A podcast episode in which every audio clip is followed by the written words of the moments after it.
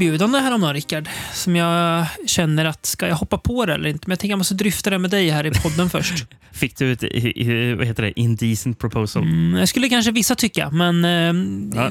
det, var, det, det var inte av sexuell eh, natur, som man kanske kan tro Nej. när jag lägger upp det så här. Nej, men jag Nej. funderar på om jag ska sätta in lite, lite så här, mikrochip och sånt i kroppen. Förbättra mig, mig själv. Ja, ja. Det tycker jag låter som en underbar idé. Bli en, eh, en övermänniska, så att säga, för att prata i Nietzsche eller Hitler-termer, om man vill vara, om man vill vara sånt. Jag tänker bara på Super Nintendo-spelet Shadowrun. Mm. Då så går man till någon sån här liten eh, sån här back alley butik. Då kan man köpa lite cybernetiska eh, implantat. Kan man göra.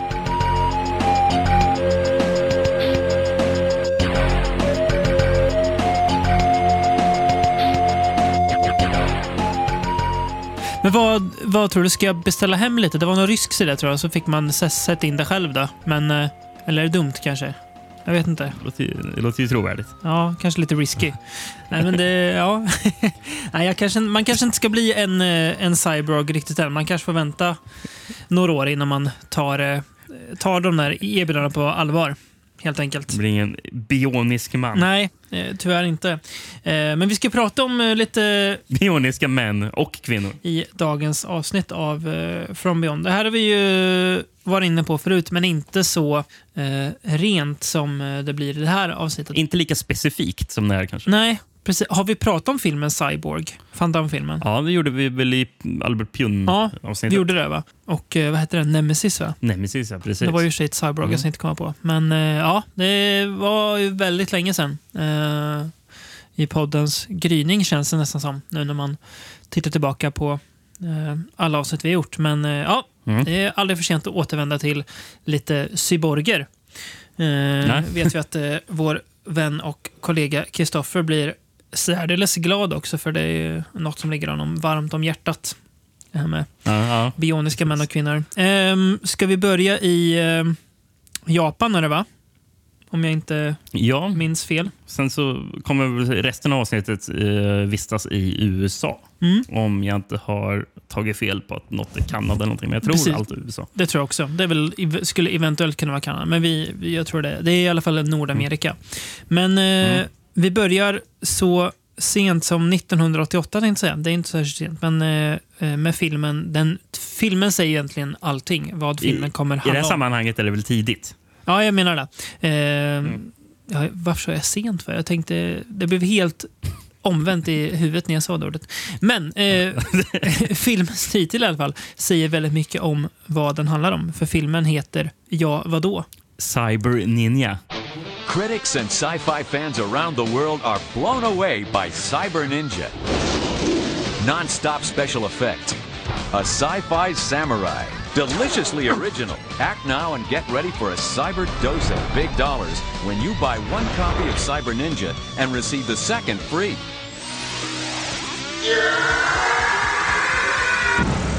Neither man nor machine. Cyber Ninja.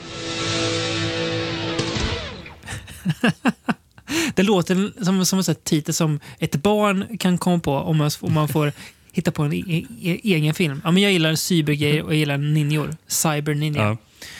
Ehm, mm. Ik- ja, Det var ju titeln i USA. Då. Ja. Eh, Den hette inte så. I Japan gjorde den inte.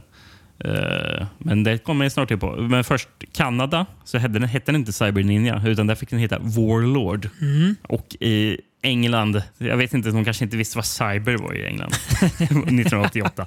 Så i England fick den heta Robo Ninja.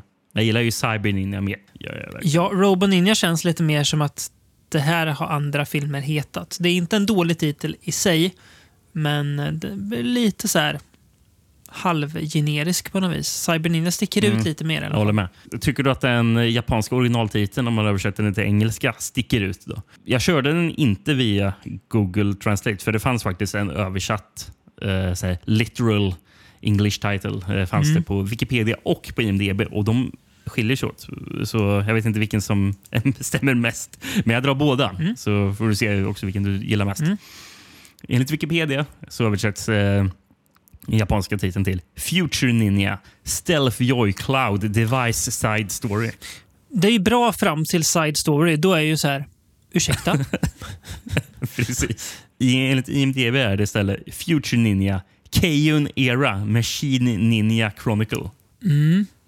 Vad, då är bara så här, om någon kan förklara för mig vad Cajun, vilken era Cajun era är så kan jag vara med på båten. Um, Ska jag köra lite live-googlen och se om vi får upp Cajun era? Um, det är något specifik? Ja. ja, det var en japansk era. Ja, du ser. När var den då? Oj, det är långt tillbaka. Ja. Maj 704 till januari 708. Ja, en relativt kort men eh, kan må hända intensiv period. Då. Tror du att de hade robotar på den tiden? ja, eh, det hade de Ja. eh, definitivt. Och, ja, ja. och eh, män i plastdräkter. Ja, exakt. Som är, ja. Nej, men ja, just det. Ja, eh, alltså, ändå ganska fräna tider. De sticker verkligen ut för att de är lite så här... Det är någonting man haj- hajar till på. Framförallt det där side story und- undrar ju så här... Var kom, var kom det ifrån? Eh, men jag gillar det ändå eh, på något vis. För att det, det är i alla fall... Eh, det är ju inte, det är inte Robo Ninja. Nej. Eh, filmen är ju för, för övrigt producerad av jag blev överraskad när filmen drog igång. Eh, Producerad av tv-spelsföretaget Namco. Det missade jag faktiskt. Det var ju... eh, ja. Hmm. Hade de gjort tv-spel här? Vad, vilka titlar har de? Nu står det still. Har de Pac-Man? Eller? Ja, precis. Ja. Pac-Man. Mm. Ja, den fanns ju 88. Just det. Mm, ja, men jag, jag tror de började som spelföretag. Så Ja, det här så- var nog att de försökte branscha ut. Mm. Undrar hur det gick. Känns som att det gick... Eh, som att de gi- gick Jag tror, inte det var den mest, jag tror inte det var den mest lukrativa eh, delen i, företagsamheten. Styrelsemötet sen var ju grabbar, det här med film, det är inte för oss. Nu kör vi Nej. spel. Ja, ehm, Jag hittade en amerikansk VOS på den här. Jag. Mm. Och jag kan säga på framsidan står det Non-stop special effects reminiscent of Star Wars. Ena halvan är är det korrekt, men när det ska vara reminiscent of Star Wars, nej. Men eh, non-stop special effects, ja. Absolut. Det kan jag gå med på. Men eh, mm. Jag, jag, läste, jag läste faktiskt... Eh, det var en kille som heter Rick Harmon som skrev för eh, tidningen Montgomery Advertiser. nu, nu är vi inne på smala ti- tidningar här. Ja, vad, vad, vart, vart har du jobbat då? Äh, inte, inte för att skryta, men var en sväng på Montgomery Advertiser. Skrev eh, lite texter. Lite content. Ja. Eh, han, var ju väl, han var ju väldigt kritisk till den här filmen. Han, han gillade den inte. Och ska säga vad han, eh, vad han påpekade? Mm. Um, it does not reach the level of Star Wars as promised by promotional materials. Nej, det är i och för sig eh, korrekt kritik. Men också eh, imbecill kritik för att eh, Imbecill. tänker man eh, redan då borde man kunna vara lite mer källkritisk. Så Om någon skriver det så borde man tänka lite, mm, är det verkligen så? Men eh, ja, Ja. kul för honom. Eh, oj. Så texten står upp och ner på VHS. Ja. Jag ser nu hur Rickard alltså, tiltar sitt huvud så det ser ut. Jag, jag, nu ser det ut som, jag kommer ihåg när vi bodde upp för många år sedan när du vaknade en dag och hade jordens nackspärr. Då gick, då gick du runt så där hela dagen. Jävlar vad du led då. Ja, nej, men det upptäckte, det är, det är ju Orion som har gett ut den här VHSen. just det. Mm. Eller Mondo Pop står det på kanten. Men det står Orion. Att, jag tror Orion hjälpte att distribuera den. Mm. eh, I USA, eh, gissar jag på. Då. Mm. Men, nej, men jag la märke till att den här, här citatet, Non-stop special effects reminiscent of Star Wars. Eh, det står på framsidan, på ryggen och på baksidan. Så, samma citat tre gånger på den här VHSen. Det är nytt att man har ett citat på ryggen. Det är ju... Det står, st- står under titeln. Gör det. Ja, då, det var ju ingen, ingen film man, man tänkte den här filmen säljer sig själv. Utan här var vi tvungna att gå in med fullt artilleri för att hoppas att någon, eh, någon skulle verkligen. gå på det här, den här lögnen. Reminiscent of Star Wars. Men jag läser handlingen här för dig. Amid the turmoil of a devastating war, Saki, warrior princess of the Subawe clan is kidnapped by the minions of the Dark Overlord. The noblewoman is to be centerpiece of an elaborate blood sacrifice which will unleash a hideous evil upon the land. It is up to a small band of courageous soldiers led by battle-hardened mercenary and the mysterious Cyber Ninja to rescue the princess before it is too late.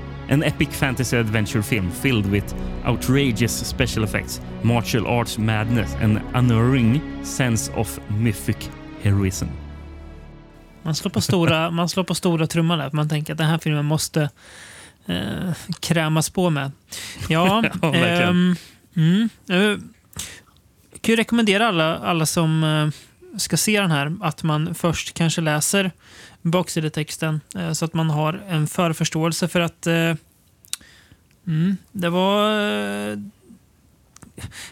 ganska mycket så här nästan så här, lite så här lore-tung film som jag känner så här, nu måste jag verkligen nagla fast blicken i filmen för annars är jag borttappad direkt. Eh, Det blir bättre efter ett tag när det inte är lika mycket när man ska sätta världen. Men i början är det väldigt mycket så här, det här är den och den och den. Och så, ja, Ja, eh, precis. Jag har ju faktiskt eh, jag har skrivit ner samma sak i mina anteckningar. Eller, eh, det, det tog kanske typ en halvtimme Mm. innan jag riktigt började komma in i filmen. Mm. Eh, och, alltså, det är inte att, och jag tror inte att det är att bara, oh, det är jättesvår lore. Det är bara att den är så ointressant tycker jag. ja, för, för, eh, för, för grejen är att vi introduceras för den här cyberninjan eh, och sen så även en del samurajer. De är ute på vi, vi får, lite, eh, får, får se lite när de är ute på slagfält och slåss. Det är, det är rätt så festligt. Där. Eh, Kolla ninja-scener och samurajscener. Och, och egentligen det presenteras ju inte mycket till handling alls. Skulle jag säga. Ehm, men all handling, eh, särskilt i början på filmen, presenteras via skurken. Som är någon slags, eh, jag vet inte vad han är för någonting. Eh, det är mycket med den här filmen som får, som får mig att tänka på Power Rangers. Av någon anledning. vet du vad? Och- jag har skrivit exakt ja. samma sak.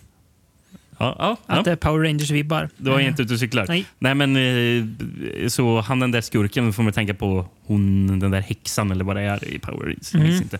Eh, nej, men, och, och typ all handling eller vad filmen ska gå ut på presenteras av att skurken står i ett, i ett jättetråkigt rum och står bara och pra, maler på. Om, så, alltså det är bara exposition, exposition. Och, och, det är så ointressant för han, för, ja, för han står bara och pratar. och bara, ja, men det är så här, när månen når zenit ska min plan gå i... Ja, nej. Mm. Ja, men det, det, det, det händer verkligen ingenting. Så, så filmen blir så otroligt seg. Och sen så klipper vi som tur tillbaka till den här ninjan. och det, är det, är- det är mer intressant att se handlingen fortskrida via dem än den otroligt generiska handlingen som presenteras av skurken. Ja, men dels är det ju alltså, precis att skurken bara står och pratar, men sen också så här, det, det blir så generiskt när huvudskurken kallas bara the, the Dark Overlord och sen har han någon, någon så hejduk som utför hans värv. Men så här, jaha, jag vill ju se, Ja. liksom, jag vill se Cyberninja slåss. Som tur är så får man ju ganska mycket Cyberninja som slåss, då, som du sa förut, i eh, gummidräkter. Eh, men de, de delarna är ju alltså, charmiga. Det är, det är ganska... Alltså, man ser ju att den här filmen kan inte ha kostat jättemycket pengar att göra. Eh, på... ehm, alltså, dels generellt, men framförallt på... Tycker omgivningarna känns så... eh, det känns som att man bara har hittat något ställe. Men här, här filmar vi lite och sen har man inte liksom, lagt till så mycket saker. Det bara, här är ett, ett ställe. Slåss lite grann. Eh, Mm. det ser liksom lite tomt ut överallt eh, på nå- något vis.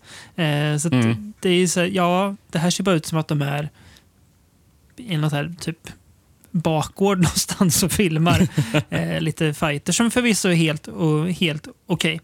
Ehm, Ja, och det är ju som du säger, alltså, det är ju det blir ju rätt tröttsamt när det bara ska liksom, när, när det här handlingen, världen bara ska rabblas in. Man, vill, det, man får ju portionera ut det lite mer. Det här är ju, det finns en sån term, show don't tell. Det här är snarare tell don't show. I alla fall i vissa delar av filmen. Ja, precis. Ja, men, precis. Man hade ju, det hade varit mer intressant att se Alltså, alla stakes och sånt eh, presenteras naturligt mm. i filmens gång mm. istället för att man ska se att skurken ska bara berätta. Ja, det här är vad som ska hända nu. Jaha, Tänk ja, mm, om, mm. om Star Wars hade varit så att Darth Vader står i en halvtimme. Luke Skywalker, he is my son, but I must fight him. ja, men precis. Ja. Sen står bara och pratar om SIF. Liksom. Ja, precis. Bara, bara oh, jättelänge. Oh. Och sen så får vi lite fight Och nu har vi våran dödsstjärna och den ska... ja, nej. Mm. Men, men, men det blir ju ändå rätt så festligt ja. när de börjar slåss. Det, ja, det tycker jag. Det blir det. alltså, grejen att effekt, det är ju de här gummidräkterna, men jag tycker att det, alltså, det ser både billigt och bra ut på samma gång. Mm. Jag vet, ja, vet inte precis hur man ska förklara det. Jag håller med. Eh, det märks ju ändå att det är ändå där de har lagt budgeten på. Det tycker jag ändå så här, ja, har ni inte så mycket budget så är det i alla fall bra att ni lägger det på rätt saker. Eh, mm. Jag ser hellre att de slåss i tomma miljöer, lite halvcoola dräkter, än att de slåss i inga dräkter i mer eh, utsmyckade miljöer. Då är ju det här att mm. föredra. Eh, eh, blir du förvånad om jag säger till dig att regissören Keita Am Amiyama mm. eller Am, nej, Amemiya, eh, har jag vet inte om, om det är enbart nästan, eh, har gjort annan japansk live action med folk i gummidräkter. Noll förvånad. det var typ bara det jag såg det mm. när jag bläddrade igenom. Bara, allting. Ja. Han har gjort flera filmatiseringar av eh, en franchise jag kan noll om. Men, som är, men jag kände igen namnet på uh, Kamen Rider. Mm. Och det, det, tror jag är något, något Power Rangers-liknande. Ah, okay. mm. mm. Tror jag det. Mm. Mer om så, det ja. i en, eh, en kommande Kamen Rider-podd. Nej, jag tvivlar på det. Jag tror också. Det, det, det ja, nej, men... Eh, alltså, ja, jag vet inte, det är väl ett litet eh, halvobskyrt kul eh, inslag, den här, här filmen. Eh, den är ju kort, men känns ändå som att den hade kunnat kortas ner. Lite bara för att... Här, Eller fyllas ut med annat.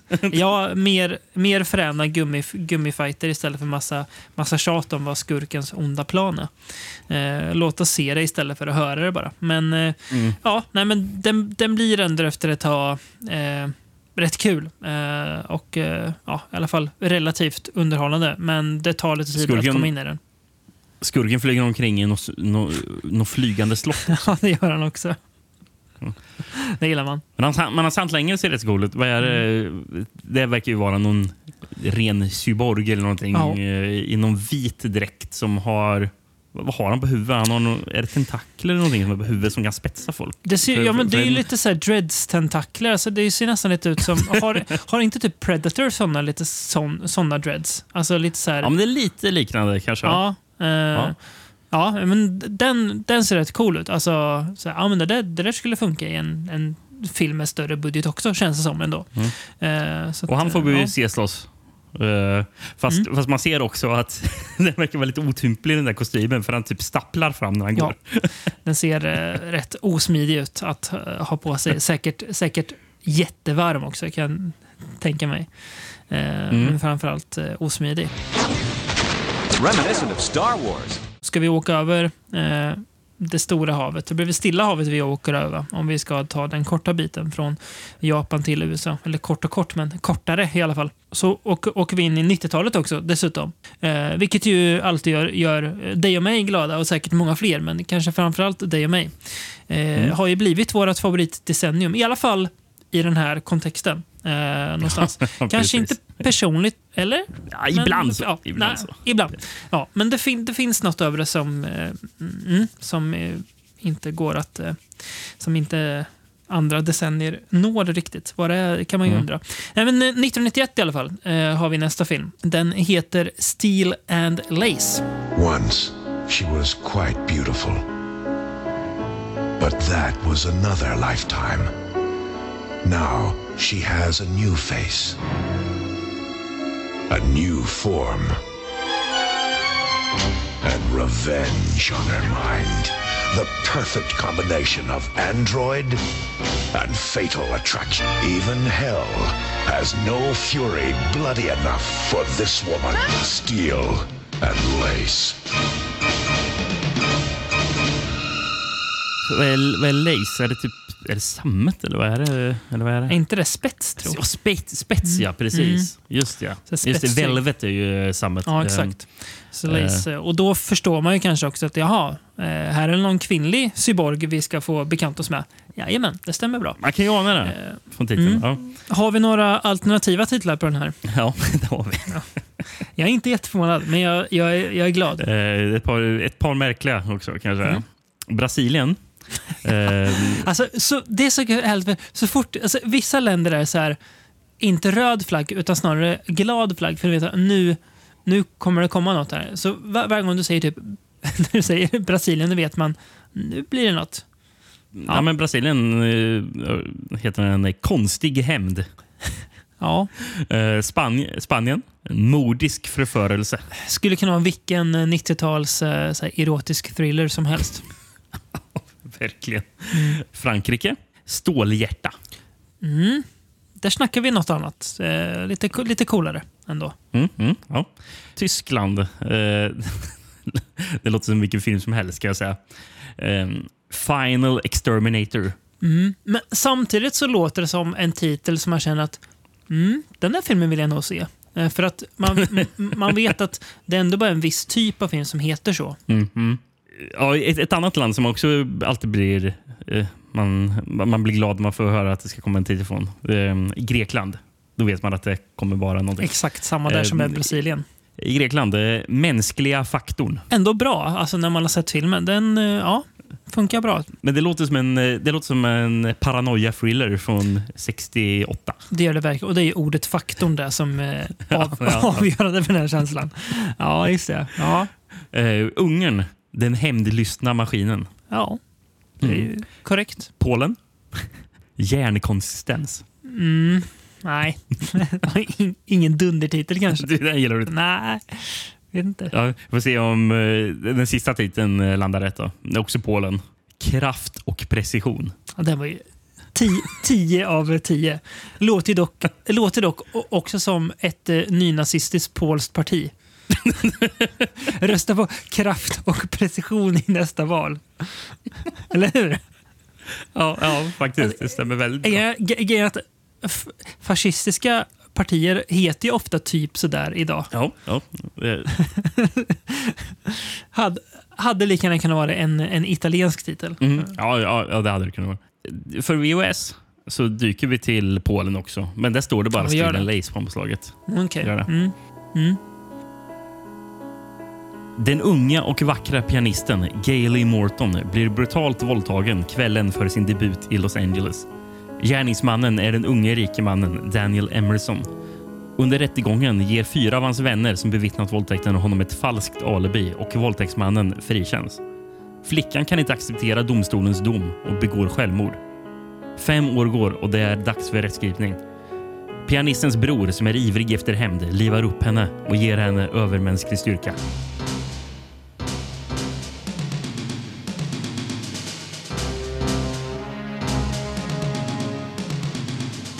Bland de mest... Eh, jag satt på och väntade på att det, det skulle komma no, någon bit som, var, som skulle haja till på, men bland de mest korrekta återgivningar av en film handlar om du har uh, tagit upp. Ja, överras överraskande att mm. det var, blev så bra genom Google Translate. Eh, li livar upp henne lät ju lite. ja, jo, men eh, man, det kan man ändå fatta. Så, ja, okay. Återuppleva henne. Ja, ja. precis. Mm. Mm. Ja, men bra, Bra sammanfattat. Det är typ det jag har skrivit också när jag har eh, mm. suttit och skrivit ner min lilla egen synopsis. Hon, det, det, och det är intressant med den här filmen för det är ju någon slags... Det blir ju en, det blir en ganska intressant genreblandning för det är ju Dels blir det en slags rape revenge, även om vi aldrig får se våldtäkten inträffa. Men det kan man ju för all del säga. Vi får se en flashback när de äh, överfaller henne. Äh, angriper henne. Ja, precis. Ja, um. uh, men det är också nästan lite av en slasher för att hennes... Eh, när hon hämnas eh, och dödar dem då, det är ju väldigt eh, gory ofta. Eh, väldigt Mhm. eh, utstuderade. Ja, precis. Så det, det känns jag nästan som... Nej, så det känns som en slasher trots att det inte är ungdomar, det är ingen, inget läger och det är ingen eh, okänd mördare. Men det, det finns liksom vissa slasher, lite slasher-vibbar. Eh, Så det är en ganska intressant blandning där eh, av eh, subgenrer. Eh, och jag tycker det funkar också bra. Du sa ju att den var det den grekiska titeln som var mänskliga faktorn. ja, det var det. Eh, det finns ju också vissa så här, man ändå, det pratar de mycket om på extra materialet i den här, att eh, manuset, att man tänkte också mycket på att det, att det inte bara ska vara en, en exploitation-rulle, utan att det också ska finnas någonting mer där. Och det, Mm. det ser man ju att det ändå finns, eh, det finns absolut spår av, framförallt mot slutet av filmen. Eh, Det är inget unikt, men det är just det här, eh, ja, men det här vad, vad är egentligen att vara människa och att vara robot? Var, var går den de gränserna? Och det tycker jag filmen ändå lyckas ganska bra med. Man kan tro i första anblick Mm. att det ska vara mycket mer eh, exploitation, men det är en ganska classy är väl fel att säga. Men eh, alltså, det är ju, den är ju inte slisig, eh, den är inte jätteexploativ, utan det är en ganska så här straight hämndfilm. Sen råkar Mm. hämnaren bara vara en återupplivad kvinna då, som är eh, eh, någon slags cyborg som mördar folk brutalt. Men Mm, eh, mm. ja, jag gillar den. Jag tyckte den, den, den hade liksom rätt mycket. Ehm, Ja, men jag, jag håller med. Eh, Jag tycker hon var bra, hon eh, som spelar huvudrollen. Eh, Claire Wren. ja, Jag kände inte igen henne för Nej, någonting. inte jag Eh, heller. Men jag reagerar på när jag- såg henne i filmen. Jag tycker hon är rätt så lik eh, Barbara Crampton. mm, det finns något I alla fall Barbara här i den här Cramptonskt filmen. över henne. Ja. Eh, jag hade känns inte så här. Det är ju David Dakota som har producerat den här. Inte regisserat, men producerat i alla fall. Eh, och han Mm. har väl haft sitt att, sitt att göra med eh, Barbara Crampton. Eh, så där, hade inte blivit jätteförvånad om hon hade dykt upp i den här rollen. Det hade ju kunnat, absolut kunnat vara henne. Men det dyker upp Mm. ett, ett par andra kända ansikten. Eh, David Norton eh, är ju Ja. med. Eh, American Werewolf in London, framför allt. Sist, sist vi såg honom här i podden var ju Ice Cream Man. Där han Just det. var med. Mm. Eh, Han är polis här, va? eller hur? Jag fick för mig att han var journalist. Ja, Eller? det är han ju. Jo, jo han. Just Ja. det. Ja, jag glömde Ja. ihop. Eh, och sen har vi också Bruce Davidson. Eh, som ju, han är ju en sån där skådis som... Ja, han har man ju sett i lite allt möjligt. Jag vet att mitt första minne av Bruce Davidson, det är ju han. Han är ju senatorn i första X-Men-filmen som smälter Mm. på stranden. Eh, där är han med. Men han är också med i eh, Lo- Lords of Salem, dyker han upp. Så han är väl lite så här Ja. eh, kult birollskådis som har dykt upp lite allt möjligt. Precis. Ja, men det är typiskt ett ansikte man alltid känner igen. Ja. Ehm, eh, men, det, men ofta inte kan placera riktigt varför man känner igen. Nej, det, alltså- det, det är en klassisk sån skådis. Typ så här, that guy skådis som man säger, ah det är han. Men vad har han varit med ja. Mycket. Vet du vad, vet du vad jag hittat han även på senare tid har varit med i? Nej. Ja, det är kanske tio år sedan, men han var huvudroll i Titanic 2. Asylum-filmen. Ja. Väl, ja, ja det, det hade en roll som hade kunnat gå till Eric Roberts, men eh, nu gick den till Bruce Davidson istället. Ja. Ehm, mm. Eh, Förresten, apropå eh, skådisar, det här var ingen jag kände igen. Men när jag läste vilken film han hade varit med i så bara, ah, nu, nu ser ansiktet bekant ut. Mm. Det är en av personerna som blir mördad av, av henne. Spelas av Brian Backer. Och eh, Brian Backer är ju med i... Eh, han är ju en av huvudrollerna i The Burning. Japp, han är ju både tönt, Eh. tönt och final boy i den, den filmen. Ja, precis. Mm. Så det var lite, lite annorlunda att, att se honom som eh, elaking. För han är ju verkligen, han är ju Mm. inte många elaka eh, ådror i The Burning. Så det är lite kul. Nej. Det här är ju, blir det, tio år efter. Eh, han ser inte ut att ha åldrats jättemycket heller. Det är ganska intressant att se. Han ser fortfarande lite så här, eh, ska man säga, eh, vilsen ut i ansiktet. Mm. Ehm, Den hade ju en annan titel från början av filmen. Eh, Lady Lazarus. Mhm. Ganska cool titel ändå. Eh, Ja, ja. vet inte varför man bytte. Stilen Lace låter ju lite, kanske lite mer eh, lättsålt. Jag gillar ändå stilen Lace mer. Ja, jag. jo, men mm. Lady Lazarus är kanske lite pretentiös. Stilen Lace är ganska så här, rakt på sak. Ehm, och det är när man lyssnar på dem bland de som har gjort den här filmen. Eh, både manusförfattare, regissör och sådär. Han, han som gjort den, eh, Ernest Farino, han är ju framförallt specialeffektsgubbe. Eh, det är det främst han har gjort innan. Så han hade ju rätt bra koll på det. Eh, så han fick ju det här jobbet eh, av bekanta typ. Men i alla fall, alla pratar väldigt Ja, gott men, om eh, filmen. han är ju faktiskt... Ja, han, han, han har ju gjort effekter till, kul nog, Cyborg. Mm. Precis, så han, Ja, jag menar, så han, han hade ju ändå så här kno- know-how. Eh, och jag Mm. kan väl tycka att det kanske Eh, syns i filmen för att det är ju bra effekter. Alltså, Det är bra effekter. Ja, coola effekter. Vi har ju, vi, vi har ju flera gånger då hon... För hon klär ju ofta ut sig till någon annan för att lura Mm. in de här männen. Så det är någon gång hon utklädd som en annan kvinna och sen helt plötsligt drar av sig en gummimask. Eh, och det, alltså, det ser, så coolt ut. Och sen kommer en borr ut från hennes bröstkorg som hon borrar ihjäl sig från det går. Mm. Eh, och det är någon gång hon dyker upp förklädd som en man i kostym. Sen så öppnar hon kostymen och då ser man att en kvinna under. Det- Hon är typ naken Ja, jätte, så här, jättemärkligt. Sen bara, wow, vad hän- händer nu? Eh, men Ja, ja, ja. rätt eh, coola effekter.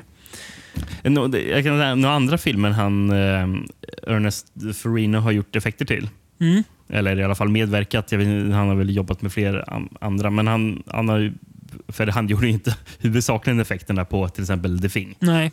Eh, Men eh, sen så har jag också en annan kan man säga cyborg adjacent film. Terminator har jag jobbat med effekterna på. Ehm, och sen måste vi nämna de två sista. Um, The Dungeon Master, Empire-filmen. Mm. Och Don Dolers Night Beast.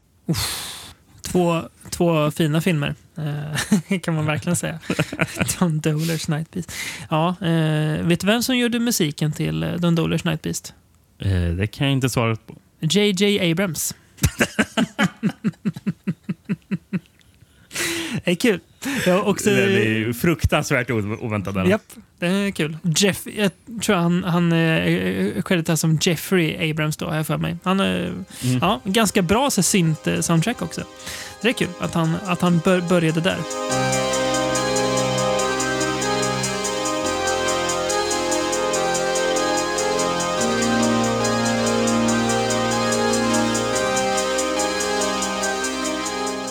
Apropå soundtrack. Den här filmen börjar ju med ett otroligt vilt ledmotiv som låter som att det bara kombinerar på en Casio-synt. Uh, alltså, de har kastat in hundra olika instrument. känns det. Vad är det här för något? Det är helt galet.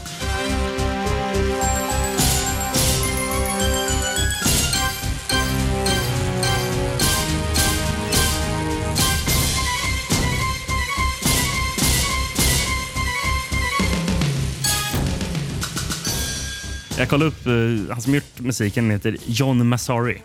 Eh, som mest känd är väl han för att han gjort soundtracket till Killer Clowns from Outer Space. Mm.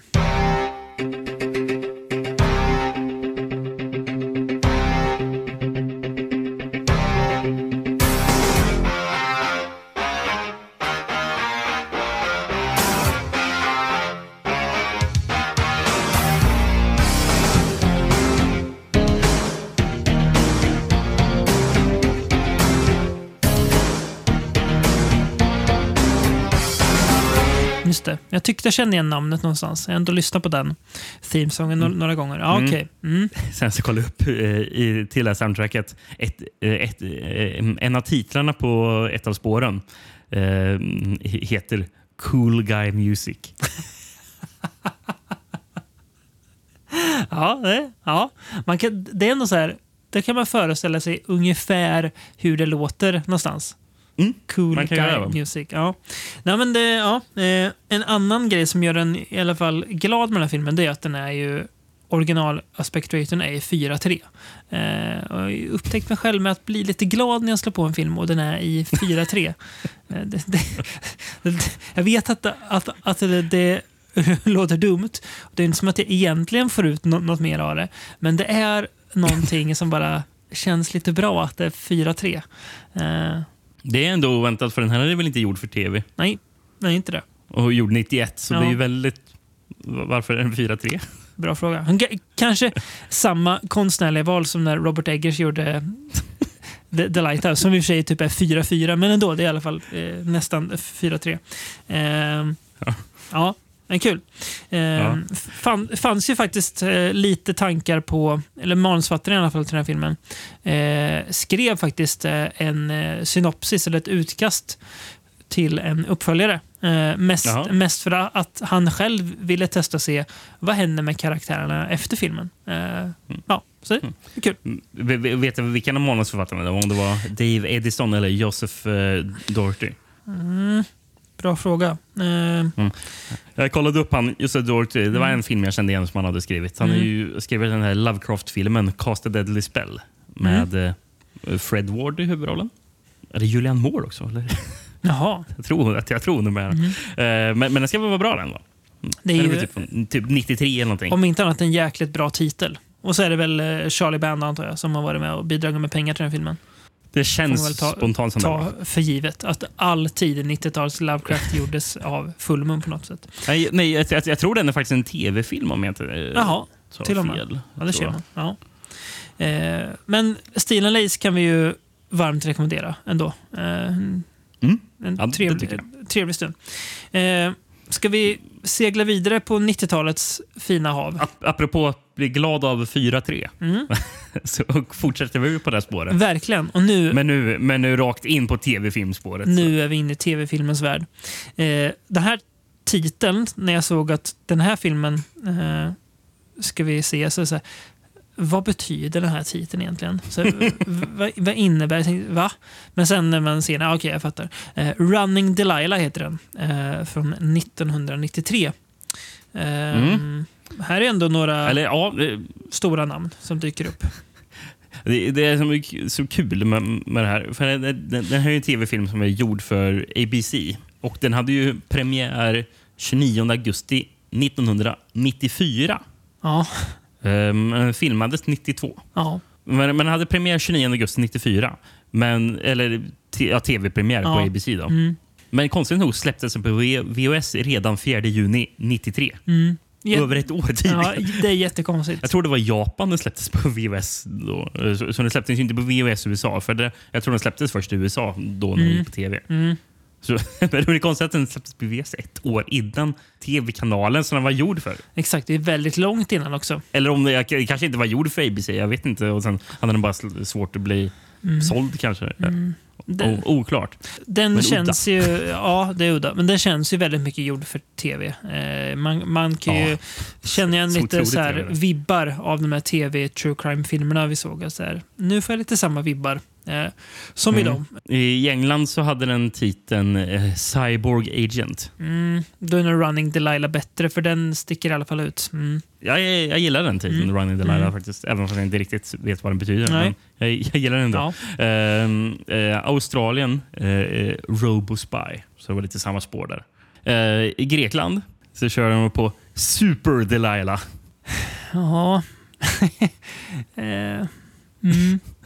Nej, jag, jag gillar inte den heller. Jag gillar Nej. inte den. Det är något... Nej. Nej, Känns- Den är inte bra. Det känns lite det känns pajig på något vis nästan. Så här. Ja. Super Delilah bara... Va? Ja. Det är ingen... Ja. Mm. Mm. Mm. Un- Ungern. Kodnamn Delilah. Bättre, fast hon heter ju Delilah. Så det är ju inte hennes ja, det heter den ju Det är faktiskt. Det är, li- helt fel. det Det är jättedumt. faktiskt, ja det är sant. Mm, eh, Brasilien. Eh, Cyborg, dödlig agent. Problemet är att det är inte i sig en dålig titel, men det är en titel som kan vara på hundra andra filmer. Och därför blir Mm. den rätt dålig. Ja. Eh, Frankrike. En mycket speciell agent. Låter som en Jacques Tati-film.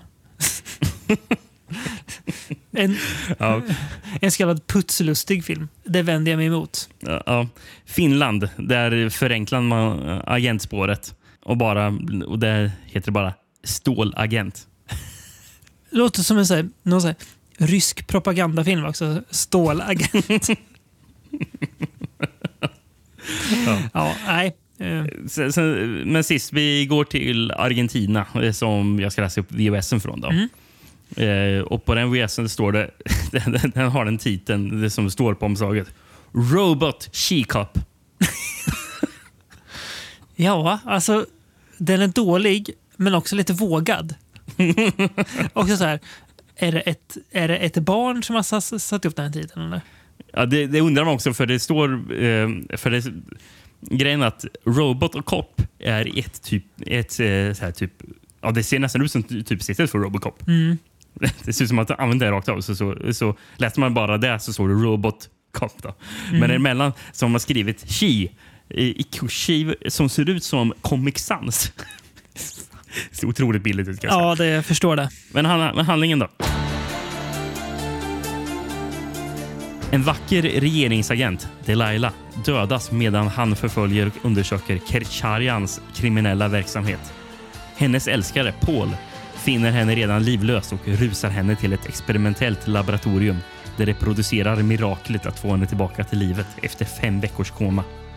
Delilah varnar för att han nu är en konstig elektroniskt skapad robot. Hans förtvivlande lugnad av tålamod och Pauls kärlek. Det går igen till handling tillsammans mot Kedcharian som var mitt i en internationell konspiration. Där sätts hans Samson-kraft på prov, men också hans förmåga att älska. Vi kan ju säga det, för, bara för att klargöra att Delilah byter alltså inte kön när hon blir eh, cyborg, utan hon, hon fortsätter vara Delilah. Eh, men det kan ändå ja. vara värt att nämna, vem är det här han då, som man kan undra om? Ja, men det är ju självaste, en poddfavorit, Billy Zane. Spelar ju hennes eh, kollega. Då. Och hon för all del spelas av Kim Cattrall. Eh, kanske ingen poddfavorit, mm. men ändå charmig här tycker jag. Ja, men alltså Kim Cattrall ändå varit med. Hon har ju gjort bra grejer. Hon gjorde en massa annat innan hon blev känd för att spela Samantha i ja, Sex and the City. Så är det. Främst så tänker jag ju på där hon är riktigt bra. Eh, det är ju att där hon spelar kvinnliga huvudrollen i Big Trouble in Little China. Yes. Där, är hon, där är hon jätterolig ja, och charmig. Ja, det är hon verkligen. Och sen så är hon ju tjejen som eh, Mahoney, alltså Steve Gutenberg, blir förälskad i i första polisskolan. Just det. Hon är mm. också på polisakademin. Mm. Och Billy Zane? Ja, men Billy Zane har vi pratat om så många gånger. Det finns inget mer att säga om Billy Zane. Förutom att det är Billy Zane. Ja, han det är ju Fantomen. Sen dyker jag också upp eh, som eh, typ deras chef är det väl, eh, Diana Rigg. som ju vi kanske mm. senast såg i Last Night in Soho. hon dog ju tyvärr 2020. Ja, så det var väl en av ja, hennes blev, sista filmer just, antar jag. Det var hennes sista film. Ja, det var det till och med. Hon mm. avled strax efter den blev färdiginspelad. Okay. Mm. Sen på senare år eh, är hon också känd för att hon spelar Olena Tyrell i Game of Thrones. Exakt. Ska icke, icke förglömmas. Men hon, men hon har ju haft en lång karriär. Hon, hon spelar ju James Bonds fru i hennes Majestäts hemliga tjänst till exempel. Nu blir ju bon, Bond-nördarna glada här att du, att du nämner Bonds. Sitter de och vevar med händerna upp, upp i luften. Äntligen får vi lite... Jag vet inte hur många, jag vet inte hur många Bond-nördar vi har som lyssnar två. på Bond. Och, två, tror jag. Två. Ja, två. Väldigt specifikt. En specifikt och låg siffra. Eh, ja, nej ja. men... Eh, som du sa, eh, på tal om 4-3, eh, och det är det ju verkligen. Och det är också en tv-film, även om vi är lite osäkra på hur det faktiskt var med vad den gjordes för. Men det känns onekligen mm. som en tv-film. Eh, den, det har ju den känslan. Jag tycker också att det, det syns det i... Den är lite, den är lite, den är lite puttrig på, ja, på sättet som tv-filmer ofta blir. Och det är två saker. Men, men det är lite my, mysigt att den är puttrig. Mm. Ja, det är mysigt. Men det, det är två saker som verkligen puttrar på i den här filmen. Eh, och ett är då man tänker så här, okej, okay, nu när då Delilah har fått eh, sina cyborg-krafter eller möjligheter eh, så ska det väl bli lite eh, dunka skurk. Men det är ju väldigt tam action i den här filmen. Alltså det är ju ja, det är extremt tam. Och sen är det ju en till grej som är väldigt tam och det är ju att Billy Zanes karaktär går ju ofta runt och pratar om att de borde ligga med varandra. Eh, hon tycker väl att nej, det ska vi inte göra för vi är kollegor. Eh, det, är mm. väl, det är väldigt mycket snack om sex. Men, och det är inget ont om vare sig Billy Zane eller Kim Cattrall, men det finns ingen direkt laddning dem emellan i filmen. Det känns väldigt så här, nästan platonskt deras förhållande. Som att de är typ, go goda kollegor. Ja, ja, men jag, ja, jag, jag, håller med. Det finns ju en scen, alltså, som, som, du kan säga, det slår inga, inga sparks om dem. Nej. Men, men det gör det en scen då de har en sån här kärleksscen de står ute i regnet och, och pratar. Och då, eh, och då börjar ju hennes eh, kropp eh, gnistra på grund av regnet som kommer i kontakt med hennes eh, ja, rob, halvrobotkropp. Då. Mm. Jag vet inte om det är jättetoppen teknik. Om, det, om, eh, om en, en människa lär ju komma i kontakt med vatten under sin livstid. Man tänker det. borde ju vara vattentätt om man nu ska göra cyborger. Men eh, inte här riktigt. Det, det, är kul förresten. Eh, regi på den här filmen. Det är ju en person vi pratade om i förra avsnittet. Ja. Eh, Rich, Richard Franklin återkommer igen efter förra avsnittet Patrick och Road Games. Precis. Här har han åkt till USA och fått jobb, eh, får man väl anta. Alltså, uh. ja, det, det, är kul alltså hur, hur sammanträffande sker. För det var ingen plan på att vi skulle prata om Richard Franklin igen. Men, ja. Det råkar bli han. Uh, men det är kul. Ja. Nu får man se en annan sida av hans CV också. det finns ju en, en scen i den här filmen som är väldigt kul. Eh, det är när Kim Cattrall då eh, på ett piano med extremt runda solbrillor står och spelar elgitarr. Kommer du ihåg den scenen? väldigt så här, ja. vad va händer nu? Eh, annars är det väldigt mycket så här, man har lagt på ganska såsiga elgitarrslingor för att förstärka dramatiken så att det visar sig nu, är det, ja, nu ska det vara lite spännande eller intensivt. Och då kommer någon så här halv ljummen gitarrslinga som ska förstärka. Men som du sa förut, det är ju också, det, hör, det, det gifter sig ganska bra med det här generellt mysputtriga som den här filmen har. Så att, eh, jag säger mm. inte att det är något dåligt. Ja. Jag säger bara att det var det manus den här filmen. Den ena killen, eller, eller först och främst så tänkte jag på att om den här filmen inte hade gjort för, var, var gjord för tv, då hade det här varit en erotisk äh, agent-thriller fast med lite cyborg. Ja. För då hade man ju förstärkt den här romansen. Liksom, 100 procent sant. Då hade det varit en sexig robot ja. du skulle fokusera på istället. Men det gör man inte riktigt där. Men eh, den ena manusförfattaren har ju lite thriller-bakgrund. Han skrev ju faktiskt Buddy Double tillsammans med Brian De Palma. Mm. Eh, Robert J. Averick. Så hamnade han här sen. Skrev en tv-film om eh, cyborgagenter. Precis. Ja. Eh, soundtracket för övrigt eh, skrivet av Lee Holdridge. Mm -hmm. Som skrev musiken till eh, hundfilmen The Pack. Just ja. Den som väl har en scen där en det är väl en golden retriever va? som fastnar i en taggtråd och dör. Fan, det minns inte jag. Jag har för mig att det är en sån scen. Uh, just det, det är den, den var ganska god jag för mig, den där filmen ändå. The Pack. Uh, ja, massa ja. Hund, hundar som går lös på människor. Mm. Sen har jag även gjort musiken till The Beastmaster. Mm. En film som... Uh, känd, den känns ju som gjord för den här podden, men uh, ja, får se. Någon gång kanske. Don Coscarelli va? Ja, det är precis. Men, men vet du vilken film som känns ännu mer gjord för den här podden? Nej. Det är The Beastmaster 2. Där ja. de uh, drar till moderna LA istället och hänger. Japp, som på allt. Och på tal om modern förresten. Eh, det finns ju, det är ju något så oerhört charmigt med filmer från, framförallt skulle jag säga, första halvan av 90-talet som ska vara moderna och lite futuristiska men som använder stora disketter. Snacka om att så här, du, kan, du kan lura mig att filmen ska spela, uh, utspela sig i framtiden men så fort du plockar fram en, en diskett så bryts ju den i illusionen. Men det visste man väl inte då att vi, att vi en gång i framtiden ville ha mer än en och en halv megabyte utrymme på våra, våra portabla minnesenheter. Eh, ja. Men så kan det bli. Det är kul förresten i synopsisen som jag läste. Det, står ju att hon får ehm, eh, given artificial body parts. Mm. Men de, de påpekar också, som är viktigt att säga här i synopsisen, att de, eh, revived using high tech medicine. Högteknologisk medicin. Ja. Eh, Högteknologi. Ja, Konstigt. Ja, märkligt begrepp bara. Så här. Ja, är annan medicin då lågteknologisk eller vad? Va? Ja. ja, men bra att du gör sådana iakttagelser Rickard. Det är krydda till den här podden. Eh, ska vi... Ska vi gå från uh, tv till uh, video är det väl antar jag nästa film. Uh, men, det måste vara video. precis, men ändå hålla oss kvar 93. Mm. Till filmen den här titeln lovar ju mycket och känns som den här... Man, man fattar ju... Ser man omslaget på den här filmen och läser titeln så känner man ju spontant att den här filmen vill jag se. Annars tycker jag synd om de personer som inte känner så. Alltså, det var ju när jag såg det här omslaget när jag satt och eh, scrollade runt på Letterboxd en, en dag.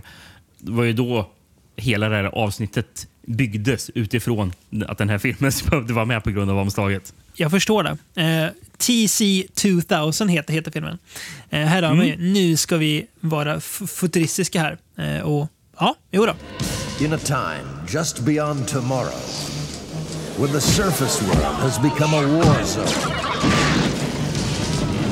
the underworld cities have become electronic fortresses. And the only hope is an ex-cop and an executioner. They killed his partner and created the perfect killing machine, TC-2000. Också en film som jag antar har alternativa titlar, eller? Ja, bara fyra stycken har jag. Okay. Men vi börjar.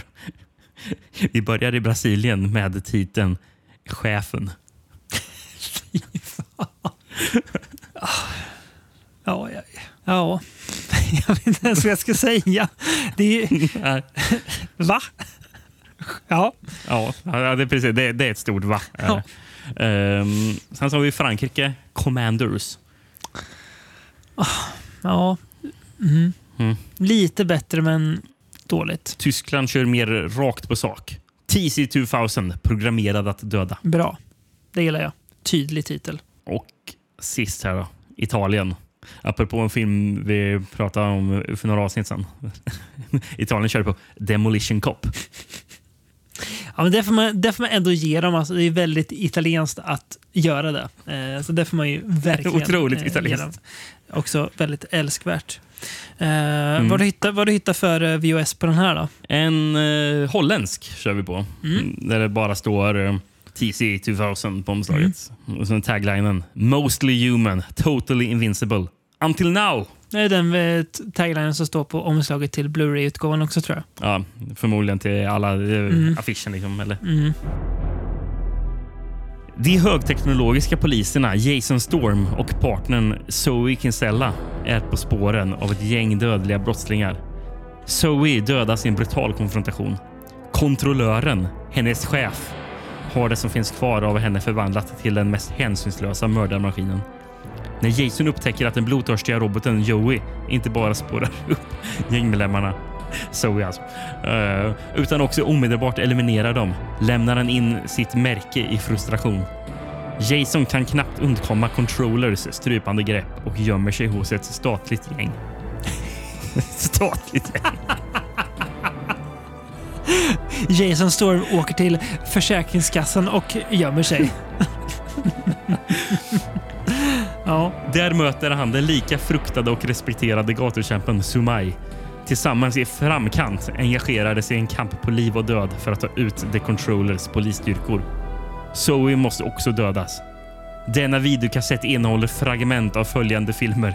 Bounty Tracker, Keeper of the City, Psycho Cop 2, Mission of Justice. Det måste vara typ att det är trailers för dem, de filmerna då, antar jag. Ja, precis. Fragment av följande filmer. Psychocop 2. Åh, kommer den tillbaka? Ja, Eh, mm.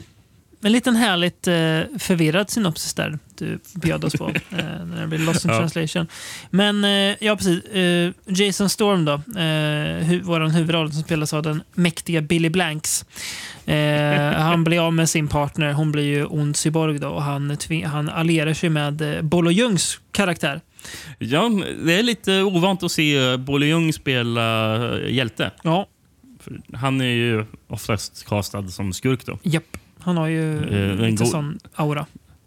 Den gode, som man kallar sig, Chinese Hercules. Exakt. Eh, och som skurk ser vi då eh, Jalal Meri. Eh, han och Billy Blanks gjorde flera filmer ihop. Han var ju producent också, eh, Jalal. Eh, även om han inte regisserade, mm. för det har TJ Scott gjort. Eh, ja, och för, framförallt jobbade väl Jalal Meri och TJ Scott en del, mm. tror jag. Mm. Många av de här personerna som är inblandade i den här filmen mm. Eh, dock inte Billy Blanks, men många av, eh, många av de som var bakom kameran och vissa framför kameran har varit med i eh, en franchise som heter Tiger Claws. Mm.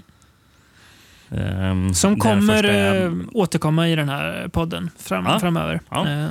Den, den första är med Jalal Mary och Bolo Young och Cynthia Rothrock. Precis. Uh, jag kollade upp uh, regissören förresten. Fan, nu garvar jag.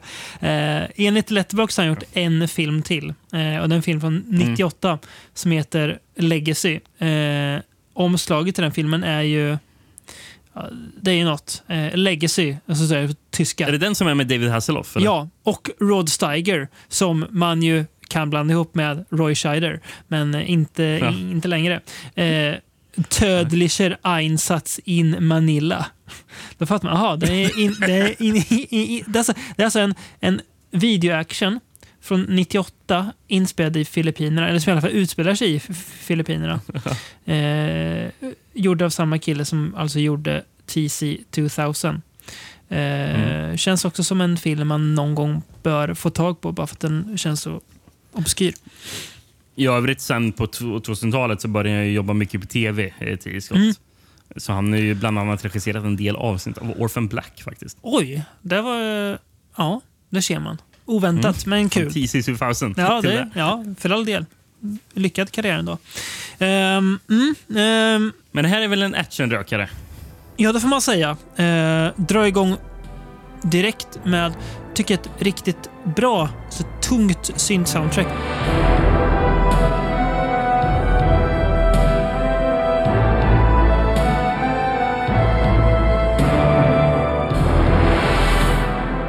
Ja, absolut. Det är influerat av Terminator-soundtracket, men eh, det gör väl ingenting så länge det funkar bra till filmens eh, atmosfär.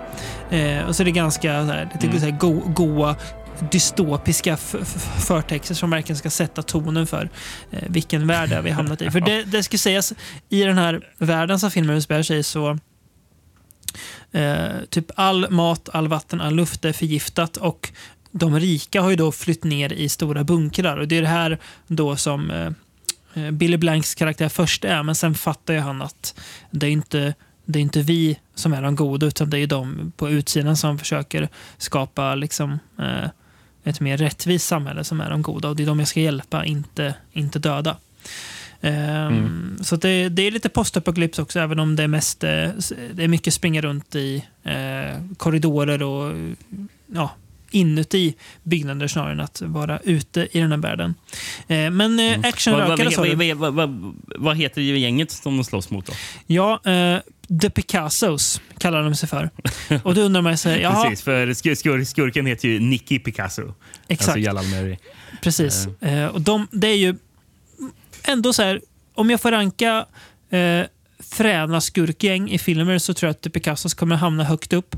För att man, man hade kunnat slarva bort den och bara kalla dem för Picassos och typ låta dem ha baskrar på sig. Men de, är ju, de, de, de, har ju faktiskt no, no, någon slags kubistisk ansiktsmålning. Eh, ja, så ja. det är ändå så här, ja, jag fattar varför de heter The Picassos. Det är ändå så här, känns ändå rimligt, även om det är också så här, jättedumt. Så här, varf, varför ser ni ut så där för? Men eh, jag tycker det är rätt kul. Eh, eh, Någon som inte ser ut så, men som är hantlangare till eh, Nicky Picasso.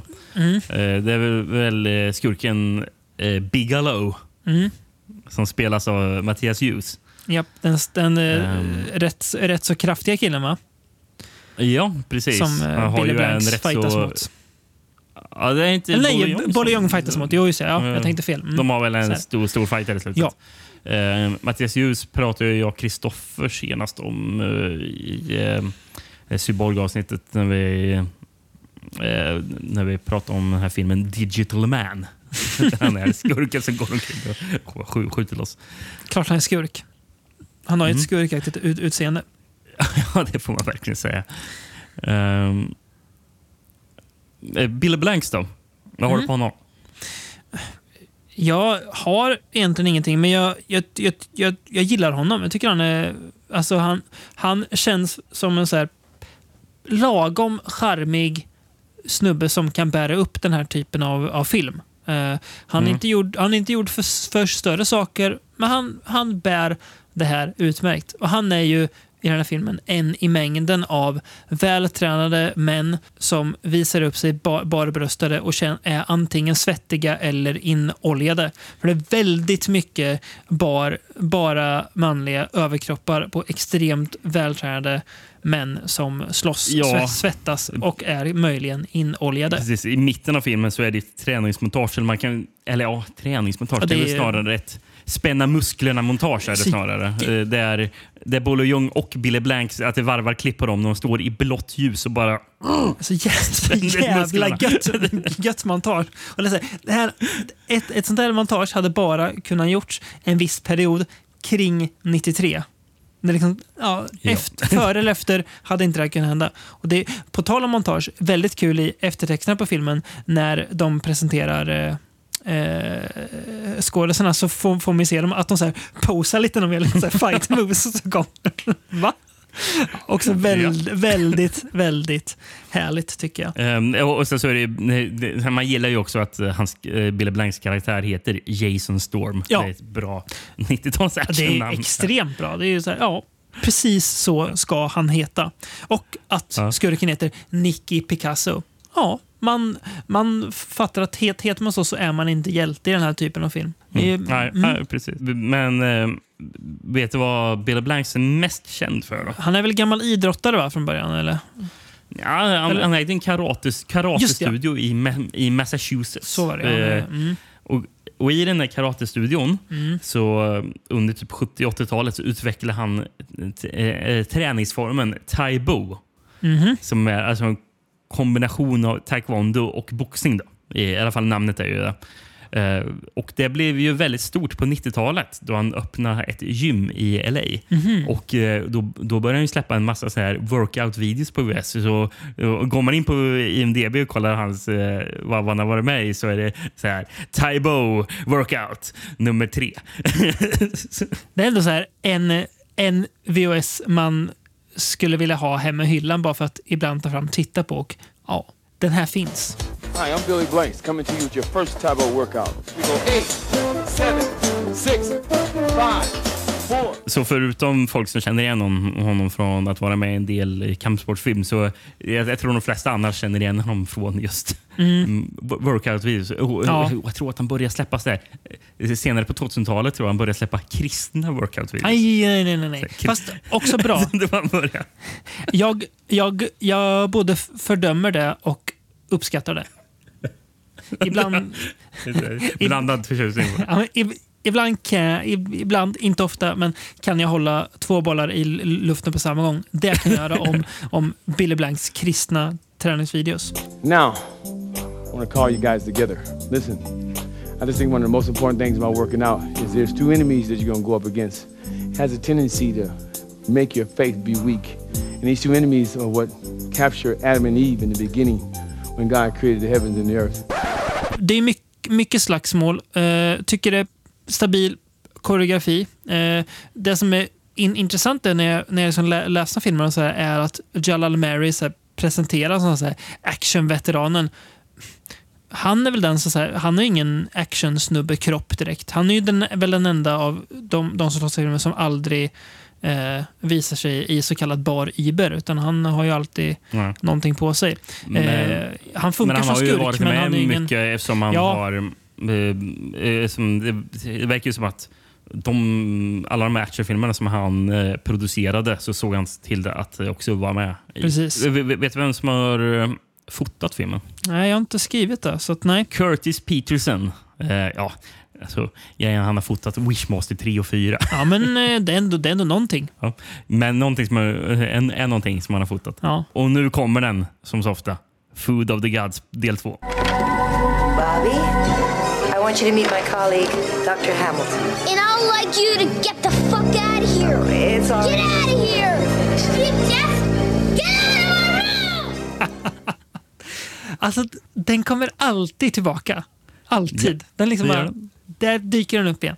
Ja, fan vad härligt. Den här filmen började ju som eh, en del i den här Tiger Claw-serien som du nämnde förut. Den skulle vara en, en Tiger Claws, alltså TC 2.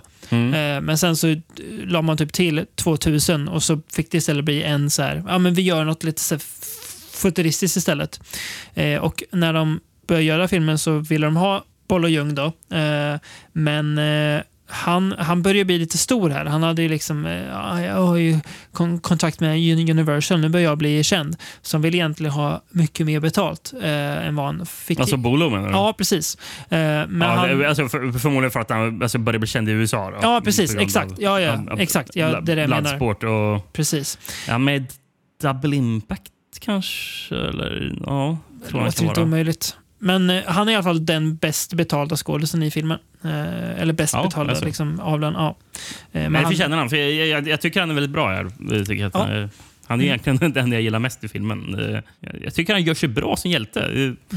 Mm, eh, Som, det, som jag sa i början, att man förknippar honom ofta som skurk. Och att, liksom, ofta tänker man bara att han ser ut som han är ju som gjord för att spela skurk i en kampsportfilm. Liksom. Men han gör det väldigt naturligt. Här, att bara, ja, men jag ser honom som absolut som god här. Eh, fungerar jättebra. Ja. Sen, är det ju alltid fascinerande att, att bara se Boll och Ljungs kropp och undrar hur kan man vara byggd så där? Ja, och vad är det han? Han, han, han måste vara typ bara 50 år eller nå- någonting. jag tror jag. Det ja. Han, han är ju extremt vältränad, men han ser också så himla kort ut. Så han ser liksom ut som att man har tryckt ihop honom så att han har blivit nästan fyrkantig. Ja, det är en fascinerande man att, eh, att skåda. Det ser nästan ut som att hans fysik trotsar gravitationskraften på något vis. Han, han var 47 här var han. Ja, det är... Ja, det är jag kan säga så, så kommer inte du eller jag se ut när vi är 47. eh, inte för att vi ser ut så nu, men vi kommer definitivt inte se ut så när jag är 47. Det kan jag, det kan jag lova redan, redan nu. Och gör vi det så är podden eh, nedlagd. Eh, för att så, så ser man inte ut när man, när man pysslar med det som vi gör. Nej. Så är det. Jag, jag provar förresten att lyssna på kommentarspåret på den här filmen. Provar Ja. du det? Nej, det gjorde jag inte. Eh, Nej. Nej, för det är det Vinegar Syndrome som har släppt den här. Yes. Och på deras Blu-ray så är det ju kommentarspår med... Var det, är det Billy Blanks och Jallan Mary, eller vilka var det? Eller var det regissören och Jallan Mary kanske det var? Mm. Jalla Mary var ju med i alla fall. Men ja, Och det, det var Ja- Jallan Mary och Billy Blanks faktiskt. Mm. Ja, Jag, jag, jag kan säga, jag lyssnade inte på hela det här kommentarspåret. Nej. Det, det var ett av... I alla fall, eh, som jag provade att hoppa in på någon scen, eh, eller några scener och bara bytte till det här kommentarspåret. Det var liksom tyst i en minut var det. oj. Och sen, och sen hörde man en, en av dem som bara så här, mumlade lite tyst. Nice shot. Och sen var det tyst igen. Vad vad är det här för någonting? Ja. Eh, Billy Blanks eh, kristna träningsvideo som har gjort honom stum när han ska göra kommentatorspår. Ja, nej, det låter inte jättekul. Eh, Jag Nej. kanske inte missar bara, något. Nej, jag, det här blir inget. Nej, Nej. det gjorde du inte. It's time to die. It's time to get a new watch. Vill du åka tillbaka till tv-filmslandet? Är det här tv-film? Det visste jag inte att det var. Eller så känns det som det bara. Jag, jag tror det är en tv-film. Eh, det Mhm. kan också vara bara så att jag, jag tycker att det känns som en tv-film. Eh, men... Eh, Jo, ja, men det är en tv-film. Ja, visst är det det. stämmer Ja. bra. mm. Ja. Nej, den här filmen hade ingen Wikipedia-sida. hade den inte. Så, Det- så det, är, inte... det är ändå viktigt att vi, att vi oftare strävar efter att prata om filmer som inte har Wikipedia-sidor. Ja, men, det, ja, men det händer lite då och då. Ja, det är jag, brukar bara ofta inte, jag brukar Nej. ofta bara inte ta upp det. Nej. men, eh, nej, men, nej, men för nu när du frågar om vilken, eller att det var en tv-film. För det, jag brukar alltid skriva ner vilken tv-kanal den hade premiär på. Mm. Eller, jo, det var oh, USA Network. Den anrika kanalen. Nej, det låter som en... Alltså, det, är klart, det är klart att det låter som en amerikansk kanal i, i och med att det heter USA. Men ju- just det att den heter landets namn och sen Network låter så himla så här m- mellanmjölks amerikansk tv-kanal som visar ja, men den här typen av film eh, någonstans. Ja, eh, vad, var USA Network? Jo, men du, jag har fan sett en grej mm, från USA Network eh, Mhm. se, se, senaste åren Mm. som är producerad av dem. Det är ju faktiskt den här eh, tv-serien eh, Mr. Robot. Det är USA. Oj, ja, det var ju, ja, det är ändå, det, det var ju en rätt eh, hypad och stor serie.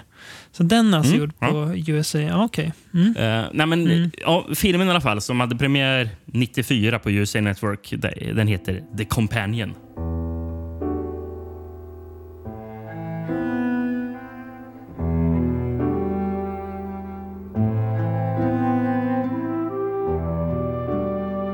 Fan, gud vad länge vi gick runt filmens titel med att prata li- lite annat om filmen. Det brukar vi inte. Ja, precis. Så. The Companion, ja. Mm. Eh, som i Spanien hette, kort och kort, Androiden. Ja. Eh, Portugal, de var, de var lite mer finur- finurliga. Mm. En mer än perfekt man. Bra.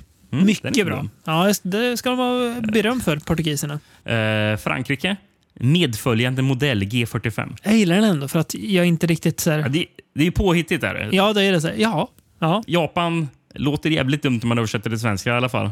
Cyberkompis. Men, men också, också lite kul. Men låter inte, det är inte den här typen av film. Eller det är inte den här filmen Nej. som borde heta Cybercompis. Men eh, ja, kul, lite kul titel. Någonstans. Mm. Eh, Tyskland, eh, rakt på. Future Lover. Ja, jo. Jo, så är det ju. Och sist, eh, Brasilien. Eh, som, är, är, som även har den, ti- den titeln som jag ska läsa från den brasilianska VHSen. Det, där är titeln Offer för begäret. Det låter så jävla mycket erotisk thriller så Ja. det finns inte. Nej, jag ska återkomma till det här som är erotisk film. Men det, är- alltså, jag fastnar bara vid, vid tanken att det finns alltså ändå människor. De är nog inte så många längre, men jag tänker en handfull människor i Brasilien som någonstans hemma, troligen nedpackad i en kartong, har en brasiliansk VHS av den här filmen. Det, ja. Ja, Det är sånt som gör att jag känner att jag, jag, vill, jag, jag vill leva för alltid när jag vet att sånt, sånt, sånt finns. Efter att ha avslutat en lång romans, Gillian Tanner bestämmer sig för att dra, tillbaka, dra sig tillbaka till ett avlägset hus i bergen för att skriva sin nästa bok. För laserföretaget tar han en ny inhemsk android som heter Joffrey. Tristess, ensamhet och konstiga kontakter med grannar gör att hon förändrar androidens pyogrumation. från en obarmhärtig tjänare till en om omtänksam, förtrogen och hängiven älskare. Tyvärr förstår inte Joffrey gränserna för förhållandet och Gillian blir det offer för ett, en hotfull situation när androidens skruvade föreställning om kärlek förvandlas till en dödlig besatthet. Mm. Jag undrar vad eh, pyogrummation är för någonting. Det låter som en sån term som eh, människor som pluggar eh, något svårt på typ KTH vet vad det är. Men i, Ja, inte, det. inte vi vanliga dödliga. Pyogrummation. Ja, det var, det var något nytt. När man kollar upp den här filmen på IMDB, för jag, jag kollade om den här hade några... för Jag tänkte, tänk om det finns människor som verkligen älskar den här filmen. Tyvärr fanns det inga 10 av 10, eller 9 av 10, eller ens 8 av 10 recensioner. Så då, då tänkte jag, Jag jag, jag struntar i det. Ja. Men det man... Behövde också veta. Det är mycket man kan haja till av när man går in på den här filmen. Dels eh, på IMDB finns det här bildspel längst upp med, med eh, screenshots från filmen. Det dröjer inte länge innan det kommer upp en bild på eh, när de ligger med varandra, då, eh, våra huvudroller. Nej. För, för övrigt spelade av eh, Catherine Harold från Nightwing bland annat. Eh, och Bruce Greenwood som ju är med jättemycket. Han är också lite så här, han har man sett. Bland annat First Blood och Dr. Sleep. Men mycket annat också. Ja, precis. Eh, väl- precis. Han har ju varit med i film jättelänge Mm. och, som man alltid känt igen. Men Mm. som du nämnde med Dr. Sleep, får se om Mike Flanagan fortsätter casta honom till filmer. För han Mm. var ju även med i Geralds Game där han spelar maken i den. Ja, Gerald helt enkelt va? Blir det väl då. Ja, Gerald, precis. Mm. Eh, men, eh, men, eh, men, men, men apropå Catherine Harold, du sa Ja. Nightwing. Mm. vad, vad minns du av den filmen? för att, att de var på någon ranch. Var de inte i någon sån här Och ranch, reservat reservat och grottor. Ja, Just det, grottor Mm. var det. Och sen var det någon, någon, någon gammal gubbe som bodde ute i någon stuga som ja, någon eremit. Ja, precis. I alla fall, hon, Catherine Harold, hon jobbar Mm. inte längre som skådis. Nej. Utan hon jobbar nu, numera som ett parterapeut. Mm. Tänk om man då ser den här filmen och känner att eh, jag, jag, jag behöver hjälp med mitt förhållande. Jag går till hon som eh, ligger med robot Bruce Greenwood i den klassikern. Älskad framförallt i Brasilien. The Companion. Ja, ja. Ja, nej, nej men hur som helst. Om man, om man då bl- bläddrar ner lite på IMDB och får så här more like this, då hajar man ju till. Eh, och det, det, det är klart att man vet att ja, det är klart att det gjordes mycket erotisk thrillers under 90-talet. Och nej, det är inget område jag är särskilt be bevandrad i. Det finns så mycket. Det, liksom bara, det bara dyker upp. Jag har bland annat Deadly Desires, eh, en tv-film med Catherine Harold. Eh, omslaget, jag håller upp det så får du se. Det, det, det säger ju allt. Bara. Det där är det är Eh, snusk. Ja. Eh, det liksom lämnar ingenting till eh, fantasin. Det bara, det bara, det bara så dyker upp så, ja, den där filmen. Så här, och det är också ett så här faktum som gör att, att, att jag blir glad. Att bara, ja, den här filmen finns och folk har sett den. Eh, fast, så här, ja, fast man aldrig varit i närheten av att veta att den finns. Att det, bara, det är en oändlig eh, gömma av eh, trevligheter av eh, troligen väldigt skiftande kvalitet eh, som Mm. man kan stöta på när man bläddrar. Men eh, nåväl, Ja. tillbaka till, till The Companion. Eh, det är inte bara Bruce Greenwood och Catherine Harold. Eh, vi ser ju också eh, Walter White har skrivit här, men eh, gud, nu glömmer jag bort hans namn. Brian Cranston. Ja, tack. Dyker upp. Han är ju hennes otrogna make då, som får henne att fly till den här stugan hon ska bo i och skriva sin nästa snuskroman. Eh, han dyker upp. Eh, han dyker också upp sen och, eh, spoiler alert, får på dängen av eh, Jeffrey då. Eh, som eh, Mm. ju inte tycker att han ska vara där och bråka med dem. Någon annan som också blir... Oh, vad glad man blev när man såg honom dyka upp. Det var ju James Karen. Mm. Han, alltså, han är ju med väldigt lite. Men jag undrar om han jobbar på företaget som har byggt... Uh, ja, eh, Bruce Greenwood. Ja, ja, ja, just det. Ja, nu minns jag. Ja, jag vet precis vad du menar. Ja, ja men han... Det är ju framförallt för att man, man minns honom då från en av dem som råkar väcka zombierna till liv i Return of the Living Dead. Ja, Det är ju han som jobb, jobbar på det där Ehm, eh, eh, lagret där. Han som, han som berättar att visste du att Night of the Living Dead den är baserad på en riktig händelse. Men det fick de inte Ja, skriva för precis. att det var ju topphemligt. Ja. Exakt. Ja, eh, precis. Ja, just det. Han, det är han som har byggt eh, Jeffrey. Då. Eh, men det här är Sen ju... måste jag bara nämna, det, det, det, det, det är en skådespelerska som dyker upp bara och hon står bara credited som saleswoman. Mm. När jag kollar upp henne.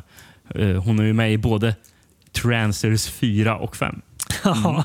Du. Eh, Jag såg, såg det förresten. Det var ju dålig timing med oss med att eh, Transers 1 ska släppas på 4K och Transers 4 ska få ett Blu-ray-släpp.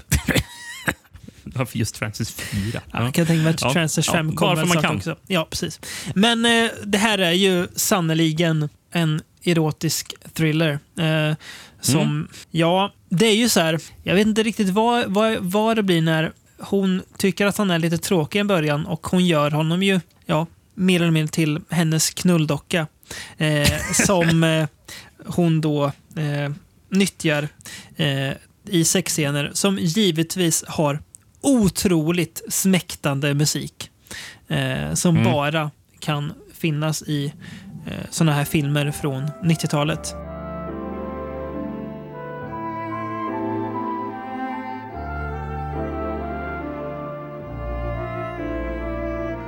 Ja, men, men det märker man ju då att eh, den här är ju då alltså ändå lite mer vågad än Running Delilah vi pratade om tidigare. Verkligen. För, för, den var ju, för den var ju gjord för ABC Mm. och eh, den här är gjord för ja, vad heter det, USA Network. Exakt. Och USA Network är ju en kabelkanal, precis som HBO och Showtime eh, och eh, Skinemax. Så det är liksom Då får man ju bjussa på lite mer. Ja, även fast de kanske inte mycket, lika mycket som i, på HBO och de, de, de kanalerna. kanalerna. Men, Men det är ju- den, är lite, den, är, det är, alltså, den är ju tamare än så. Är den, ju. Gud ja.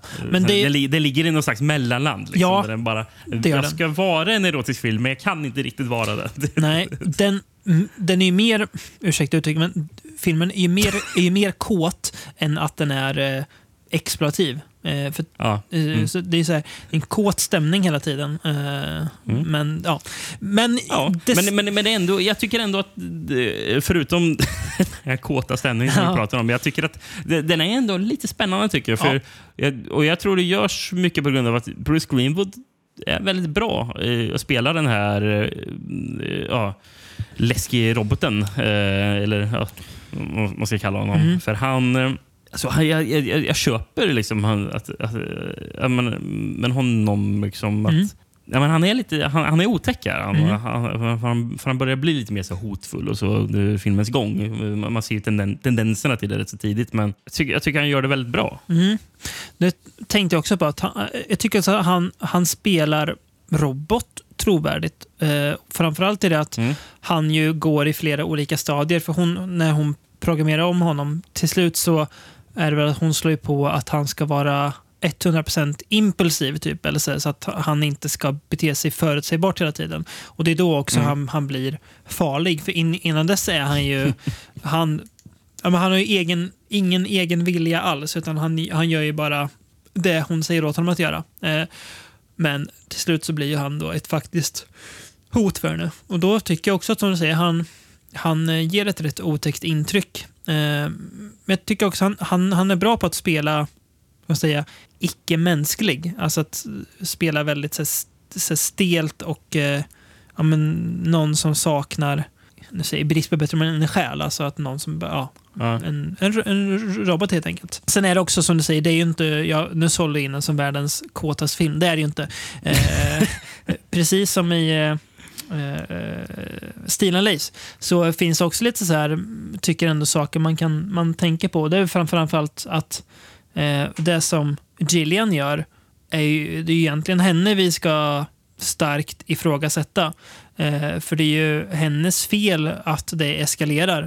Eh, Jeffrey egentligen Ja. så här, och hon, hon behandlar ju honom också Alltså, hon, hon leker ju, när, när, när han helt plötsligt inte gör som hon, hon vill, då är det som att han är en leksak eh, som hon inte Mm. längre vill ha. Utan då ska hon göra sig av med honom. Och det vill ju inte han, för det är då han någonstans börjar tänka lite själv. Så det, det tycker jag väl att så här, nu förstår jag att det kan man ju kanske inte fokusera på i en tv-film. Men jag tror att hade, man, hade det inte varit en tv-film och man hade lagt lite mer på det så hade det här kanske kunnat bli eh, något ännu bättre. Även om jag som Mm. dig tycker att jo, men det är, en, det är en, ändå en, en ganska trevlig film. det här. Eh, det, det, och det, den är ju mest kåt eh, under första halvan.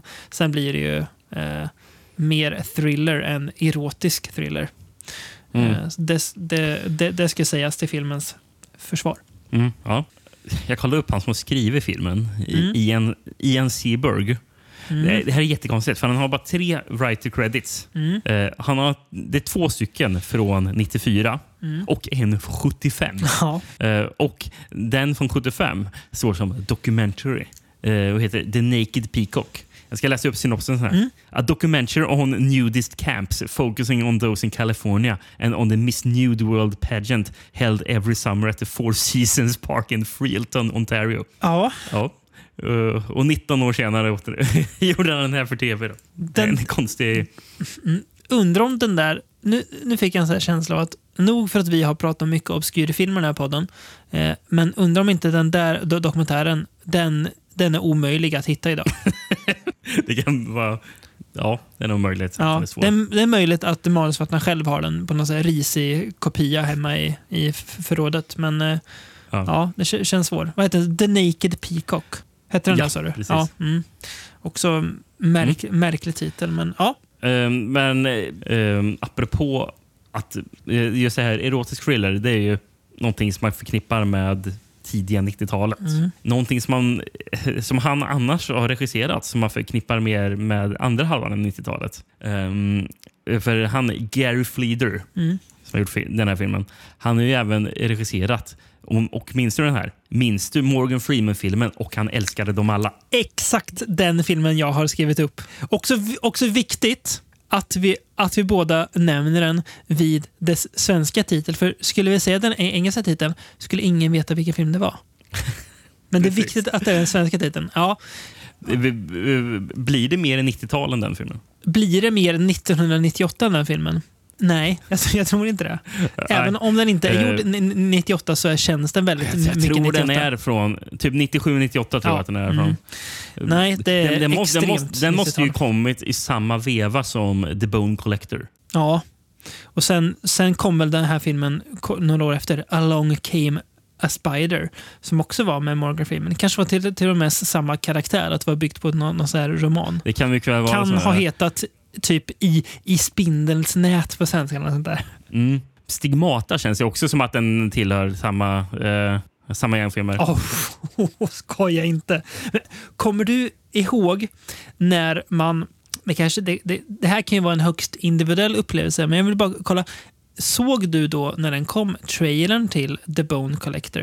Alltså när den skulle komma? Ja, jag kanske. Jag har nog vaga minnen av att jag kanske gjorde det. Jag minns att jag tyckte att den såg så jäkla otäck ut. För det är väl den som mördaren Ja. åker runt i en taxi va? Du, det minns jag inte. Jag för mig att Eh, mördaren är men, jag, men, jag, men jag för mig att jag har sett den faktiskt. Ja. Men för vad fasen heter den på svenska då? Nu måste jag kolla. Det här, Men det den här är jag rätt så säker på att det är en roman egentligen. Och nu, du, nu, nu Rickard, nu, nu kommer det. Titeln är Du kommer få gåshud. I samlarens spår. Ja, men så! Ja, ja men det minns jag ju för fan. Ja, eller hur? Ja, det, det, det, jag hade bara förträngt att den hette så. Men ja, det, det minns jag ju. Där har vi ju ett, där har vi ett poddavsnitt. Ja, ja det, är Det fan ska- inte omöjligt. Man det ska börja Jag ska börja snickra på det direkt när vi har stängt av, stängt av micken. Då ska, det, då, då ska jag snickra så ett, ett sent 90-tals thrilleravsnitt. Oh. Oh. Ja. Gnugg, jag gnuggar Gå- händerna. jag in på ehm, The Bone Collector på, på Letterbox så får jag upp såna här similar films. Och Då står det Mm. även, ja, is, eh, och han älskar dem alla. Den Mm. dyker upp där. Och även eh, Taking Lives Mm. med Angelina Jolie och Ethan Hawke från 2004 dock, den är lite senare. Mm. Och även den här filmen eh, Copycat Just det. från 95 med, Sigourney Demi Weaver. Moore. Sigourney Weaver, just det. Eh, nej, men, men, men bara, apropå det här sidospåret. ehm, det känns som de här filmerna, det är filmer som finns till på grund av Seven. Va? Gud ja. Det, även om romanerna de byggs på är skrivna innan Seven så Ja, hade de, de blir aldrig de blir blivit fi- filmer efter sig. Alltså, De blev greenlightade på grund av Seven. Exakt. Jo, så är det verkligen. Mm. Det, han var... Ja. Mm. Det var... Den gjorde något med... eh, Det var ju synd bara att ingen film var i närheten av att vara lika bra som Seven. Nej, precis. Nej, alltid var rätt bleka kopior, men eh, kul att de försökte i alla fall. Men vill du veta grädden på moset då?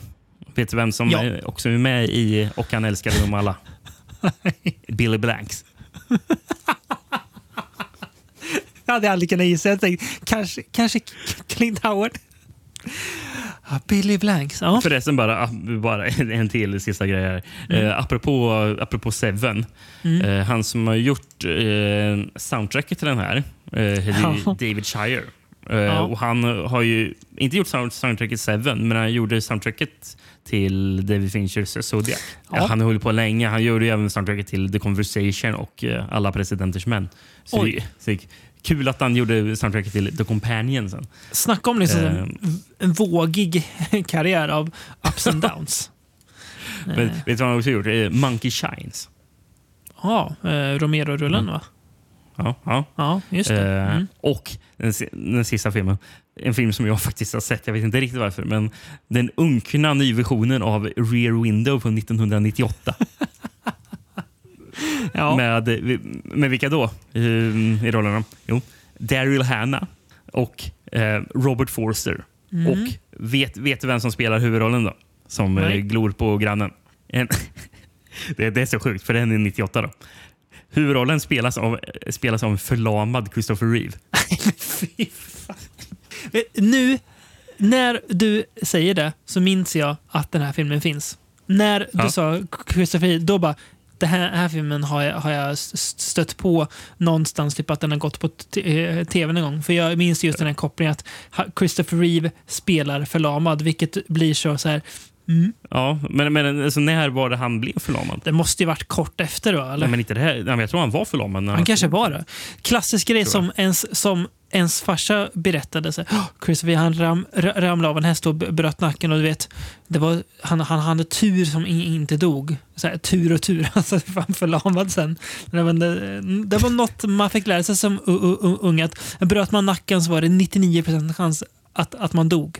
Det är ett, ett, Mm. ett ett medicinskt påstående jag aldrig har brytt mig om att kolla upp om det är sant. För jag vill ändå leva i den, den villfarelsen att bryta nacken, då är det kört. Ja, 95 bröt han nacken. Ja, Okej, då var han alltså Så ja, det här då var han ju förlamad. det, så det var tre år efter han bröt nacken då, så spelade han Ja. huvudrollen där. Ehm, men eh, ja, det är ju en, ändå intressant sammanträffande att då han, David Shire har gjort uh, soundtracket till den filmen då med Christopher Reeve som spelar Mm. förlamad. Till skillnad från originalet där han bara brutit benet. Ehm, men, och att han även gjort soundtracket till Monkey Shines, vilket också då eh, handlar om en förlamad man. Jaha. Ja, för, det, han, för, han, mm. för han skaffar väl den apan för att, styr, för att apan ska göra grejer åt honom. Jag har inte sett den faktiskt. Eh, nej. Ja, Det var länge sedan. Så det låter väl Mm. rimligt. Ja, eh, Ja. Det är bra att du, att du att vi fyller på med lite så här sidomaterial så att inte podden blir för kort inför den här sista filmen vi ska prata om. eh, från 1995. Eh, som har eh, namnet Cyber Bandits. In the world of the future, cyberspace is the ultimate high until the world's most powerful criminal turns a virtual paradise into the ultimate weapon. Now, one man stands between humanity and a high tech hell. How many chances do I get to save the world? His body itself holds the key to the invention everyone is dying to get their hands on. No! No! Cyber bandits. In the future, there is a new kind of criminal. Downloading onto videocassette from Columbia TriStar Home Video. Eller som, när, när jag såg den så hade du inte titeln Cyber Bandits utan det stod ju faktiskt i förtexterna den otroligt usla titeln A Sailor's Tattoo. Det är det sämsta jag hört tror jag. Åh. Ja, det, den är ju kata, katastrofärden faktiskt. Eh, och Den enda alternativa titeln jag hittar alltså på ett annat språk det är från Portugal. Där den faktiskt spelade på det med tatueringen. För den heter Den hemliga tatueringen. Mm. Det är ju en tatuering i fokus i um, handlingen. Där. Jo, Det, det, jo visst, visst är det det, men eh, ja.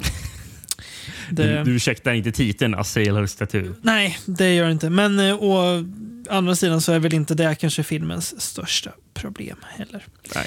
Men jag ska läsa upp lite handlingar. Ja, gör det. Eh, eh, och, det är från en amerikansk VHS Mm. som tack, eh, tack och väl heter Cyber Bandits på, på Mm. den VHSen. Man har en tagline på framsidan som står Welcome to cyberspace where danger is a virtual reality. Bra, bra tagline. Först, först tänkte jag, vad ska nu komma för dåligt? Men så den var ganska, ganska bra. Martin Kemp, Robert Hayes and Baywatch sexy Alexandra Paul. Stå- Nej, som ni inte ser som lyssnare att David, eh, hans ansikte bara sjönk ner i handen. Gjorde den. När jag sa det. Ja. Star in this sizzling sci-fi thriller about a cyber smuggler. Vadå sizzling? Vilken jävla lögn. Ja, förlåt. Fortsätt. A cyber smuggler who holds the secret that could destroy the world. A navigator aboard a millionaire's high-tech yacht, Jack Morris, is pulled into a poisonous web of betrayal and violence when the millionaire develops a weapon capable of sending his victims into deep virtual reality where they can never return. But when the millionaire's mistress steals the secret computer code and has it tattooed onto Jack's back, and everyone wants a piece of Jack's skin. Alltså grejen är, när jag läser handlingen så bara, oh, den här filmen vill jag se. Sen jag har ju sett den och den var inte alls bra. Men handlingen, då, nah, blir man ju sugen när man hör den. Det blir man. Eh, men samtidigt har jag fortfarande så bitter eftersmak av den här filmen att jag blir inte sugen. Men jo, du har rätt. Den låter bättre på papper än vad den är eh, eh, när man faktiskt ser den.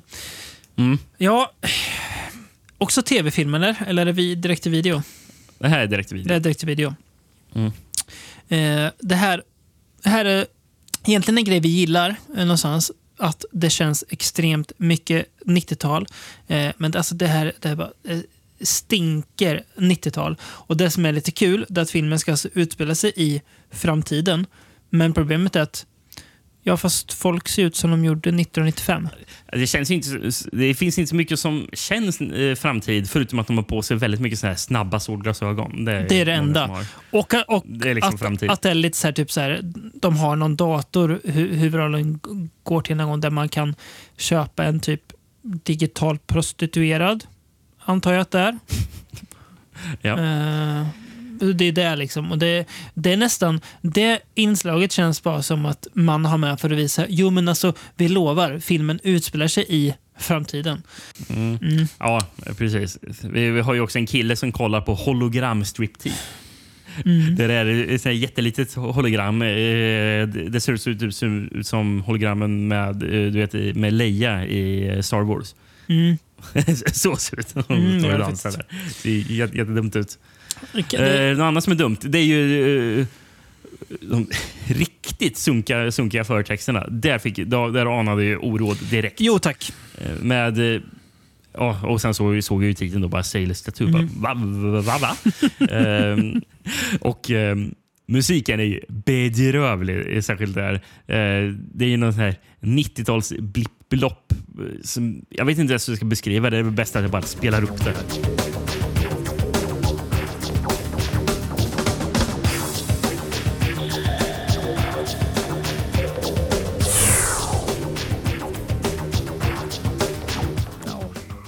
Ja, Men sen fick jag reda på det sen man kollade på filmen att man okay, ska frakta information eh, via någon tatuering. Vilken konstig idé. Men bara, ah, det är lite Johnny Mnemonic. Tänkte jag. Mm. Det är ändå lite festligt. Men det här är ingen Johnny Mnemonic. Nej, och det trots att filmen lockar med eh, att Grace Jones ska vara med och James Hong ska också vara med. Ja, Men- och Grace Jones är roligt nog spelar väl James Hongs eh, dotter. Det gör hon. Eh, ingen av dem har ju en särskilt stor roll. Eh, det har heller inte Adam Ja, James. Hong kör ju lite... eh, James Hong kör ju lite... eh, lite eh, kabuki, typ. Eller nej, kinesisk opera säger han att det är. Ja. Ehm, jag kollade upp förresten. James Hong har man ju sett i en miljard grejer. Eh, han har ju faktiskt nej, han har ju 453 acting credits på IMDb. Mm, det är inte dåligt. Och, och han, är ju- apropå, att vi nämnde förut med um, King Cattrall, uh, Big Problem in Little China. Uh, Yes. James Hong spelar ju skurken Lo Pan i den. Exakt. Och han, och han, var ju faktiskt, han är ju faktiskt med, eh, för han gör ju fortfarande film. Han är ju gammal nu gubben. Är han, men Mm. han, är ju, han, är ju, han är ju faktiskt med i den nya Everything Ev- Everywhere All At Once. Jaha, har han en stor roll där eller? Ja, mm, rätt så stor roll. Det blir jag Eh, ännu mer en- sugen på en- han, att se han, den. han, han, har en- han, han betydande roll. Har han. Ja. Mm. Kul. han. Ehm, men, eh, men, men, på sex- sex- 60-talet, James Hong, han, jag gick ju på audition för att spela eh, Zulu i Star Trek. Men Mhm. den rollen gick ju sen till George, George Takei. Då. Just det. Tror du att eh, James Hong hade ställt upp lika lättvindigt på att vara med i Big Bang Theory och skämta om nördkultur som eh, George Takei? Jag tror inte det. Eh, jag hoppas inte det. Nej. Eh, men så, så, ja, precis. Eh, vi har ju också Adam Ant, då, så, eh, mest känd för att vara frontman i bandet Adam and the Ants.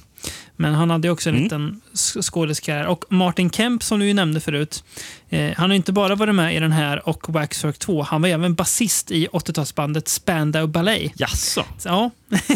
Ja, det, missar jag helt och hållet. Och Eh, jävlar. När, när jag Ja. kollade upp honom bara, jaha, oj, Spandau Ballet. Vad är, vad är det deras stora hit nu igen? Ja, men det är ju den där. Oh, eh, den är väl rätt så trälig den låten. True står längst upp på eh, Spotify. Ja, precis. True, true. Den har jag aldrig gillat den låten. Den, uh, nej. Men ja, det, det var han i alla fall eh, basist. Eh, Då föredrar jag Adam and the Ants. om inte annat för namnet och att han heter Adam Ant. Det gillar man. Ja, De har ju, de har, de har ju den festliga låten Stand and Deliver. Eh, Det, det, det, det, det, det, musikvideon är att de är stråtrövare. det gillar man. The devil take your stereo and your record collection. The way you look, you'll qualify for next year's old expansion.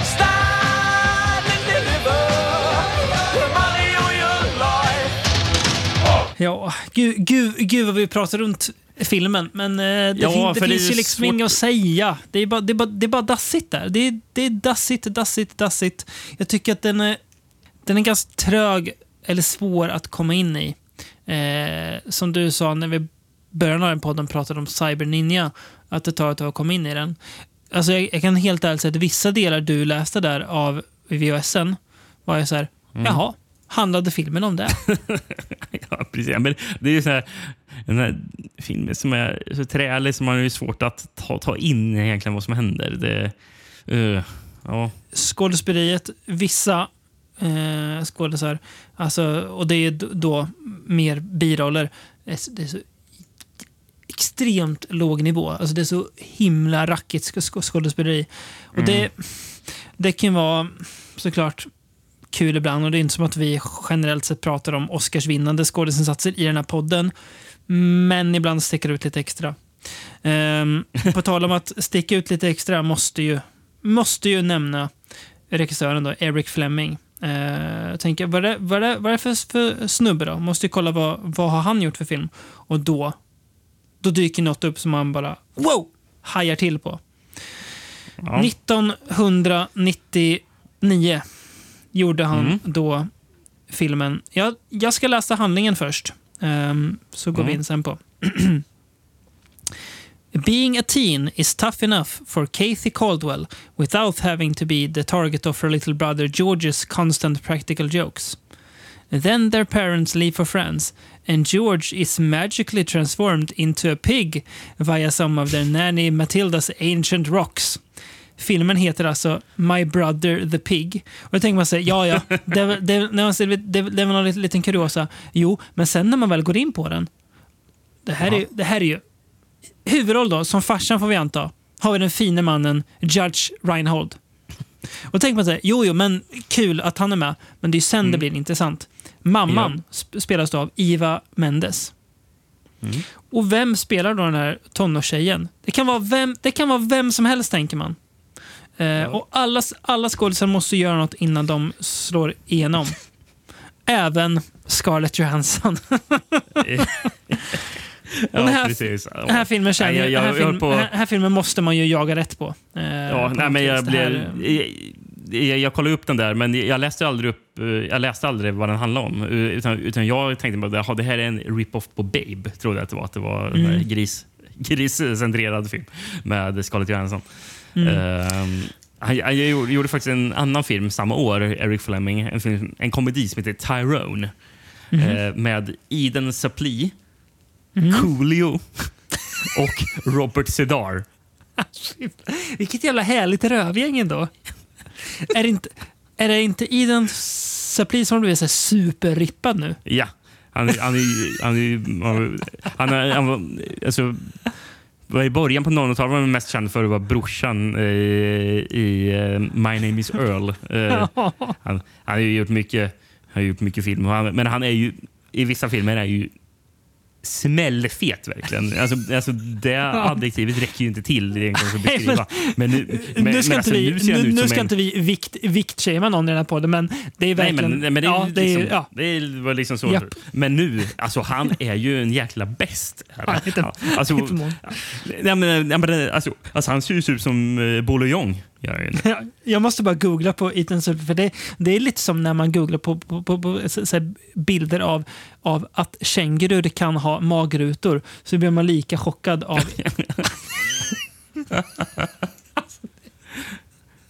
ja, det är så, bild, så sjukt den här bilden. Ja, ni, ni, som lyssnar kan ju googla på Eden Supply before after någonting så lär ni hitta. Åh, herregud. Ehm, jag, jag såg ju faktiskt en film från i år som heter Dog. Eh, och där dyker ju Eden, Eden Supply upp som någon sån här ex-marinsoldat. Ja. Och, eh, med, med, med, med det typiska liksom bak, bakåtvänd keps, skägg och superrippad. Liksom. Det, det, Mm. upp så, ja. Äntligen Jag får hade han... inte föreställt mig honom Nej. när han var med eh, i Goat Makeup i eh, Butterfly Effect. Just jävla, åh fy fan. Nej, en, han, han, han tänker där i den så blir äntligen får jag göra såna här roll, roller också. Inte bara spela den där feta, roliga figuren. Eh, Eh, ja, Det förresten, bara en, en grej apropå den här filmen. Den är ju inte bra. Um, det vilket är det väldigt, väldigt, väldigt överraskande när jag läste att han som... Eller det ena namnet det är inte överraskad av. Men andra namnet blir jag överraskad av. För den, den är skriven av, delvis skriven av James Goldman, står det. Mhm. Och jag, jag bara, stämmer det här verkligen? För han skrev ju massor med film på 60-70-talet. Det var ju bara massor med så medeltida filmer. Han vann ju för, han vann ju Oscar för bästa manus för filmen The, The Lion in Winter 68. Jaha. Eh, och här var ju typ 70 år Mm. när den här filmen kom och han hade inte skrivit filmmanus sedan 85. Man Nej. undrar vad som hände. Eh, Det står att han skrev den här filmen under alias Winston Beard. Mm. Eh, när jag såg det andra, vad den andra eh, manusförfattaren hade skrivit för någonting blev jag inte lika överraskad över att det här inte var bra. För Han har även skrivit The League of Extraordinary Gentlemen. Det rimmar någonstans i att man börjar här. Eh, det är ingen som drar i bromsen när man kollar hans CV, utan man bara gre- man greenlightar hans manus och kör och gör den filmen. Mm. Ja. Men eh, ja, sådana filmer ska ju också göras. Eh, på gott och ont. Det ska Cyber ju Bandits ändå- är ju... Alltså, problemet med Cyber Bandits är att den är ju mest av allt är ju är den ju det som Tråkig. filmer inte får vara. Precis, tråkig. Ehm, annars hade man kunnat någonstans tycka att det var lite kul med de här 90-taliga grejerna, men det, men det, är, allt, det är så tråkigt och det är så intetsägande och riktigt kast berättad också handling. Så att man tappar intresset rätt fort. Och då, då vet vi hur det brukar Mm. gå. Ja. Ehm, mm.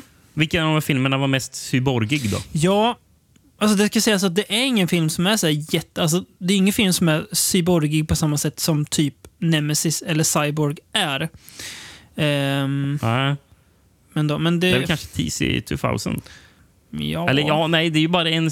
Ja, det är skurken typ som blir cyborgig. Det, det, det är inte Mm. riktigt samma grej. Som, man vill ju ha en huvudroll som är cyborg. Det kanske är Steel Ja, Lace. eh, det kanske är Steel and Lace. Eh, Ja, jag skulle nog säga det. men, men någonting, alla de här sex filmerna erbjöd ju olika spektrum av eh, cyborg. Verkligen. vad, vad, vad en cyborgfilm kan vara. Ja, och eh, verkligen. Ja, nej men eh, det är väl de två vi rekommenderar också mest. Eh, TC 2000 och Steel and Lace. Som båda är bra filmer. Med ett litet försiktigt tips om eh, The Companion där också. Ja, men ändå. Alltså, på, någonstans är väl Running Delilah kanske bättre, men The Companion är så här... Jag kommer nog minnas den lite mer sen ändå. Eh, Ja. Mycket tack vare Bruce Greenwood. Men eh, mm, Mm. ja, jag håller med. Eh, skulle nog lägga den som ett litet, litet fint bonuslägg där. Eh, nästa avsnitt, Rickard, eh, får äntligen du njuta. Eh, det här har du gått och väntat på länge. Eh, vi ska ju kliva ner i en riktigt, riktigt härligt italienska exploativa trä- träsken. Där det är Ja, bara italienare som hade kunnat göra sådana här eh, filmer. Eh, det kommer nu, bli... Eh, Nu, nu, nu smäller det fan i mig. det kommer det göra. Det kommer bli moraliskt tveksamt. Eh, möjligen Du kommer kolla på filmen med fördragna gardiner. alternativt nere i min källare så att inte min eh, kära hustru vet vad jag håller på med. För då, då, då kanske jag bor eh, själv här snart. Så kan det vara. Ja. ja, men eh, det, det, Det, det, om något är väl tisa inför nästa avsnitt. Verkligen, så får ni Vad kan, fundera vad kan på. för något? Vad kan de ge sig in på nu för otäckheter? Men det tar vi då. Eh, så hörs vi eh, när det blir dags för det avsnittet helt enkelt.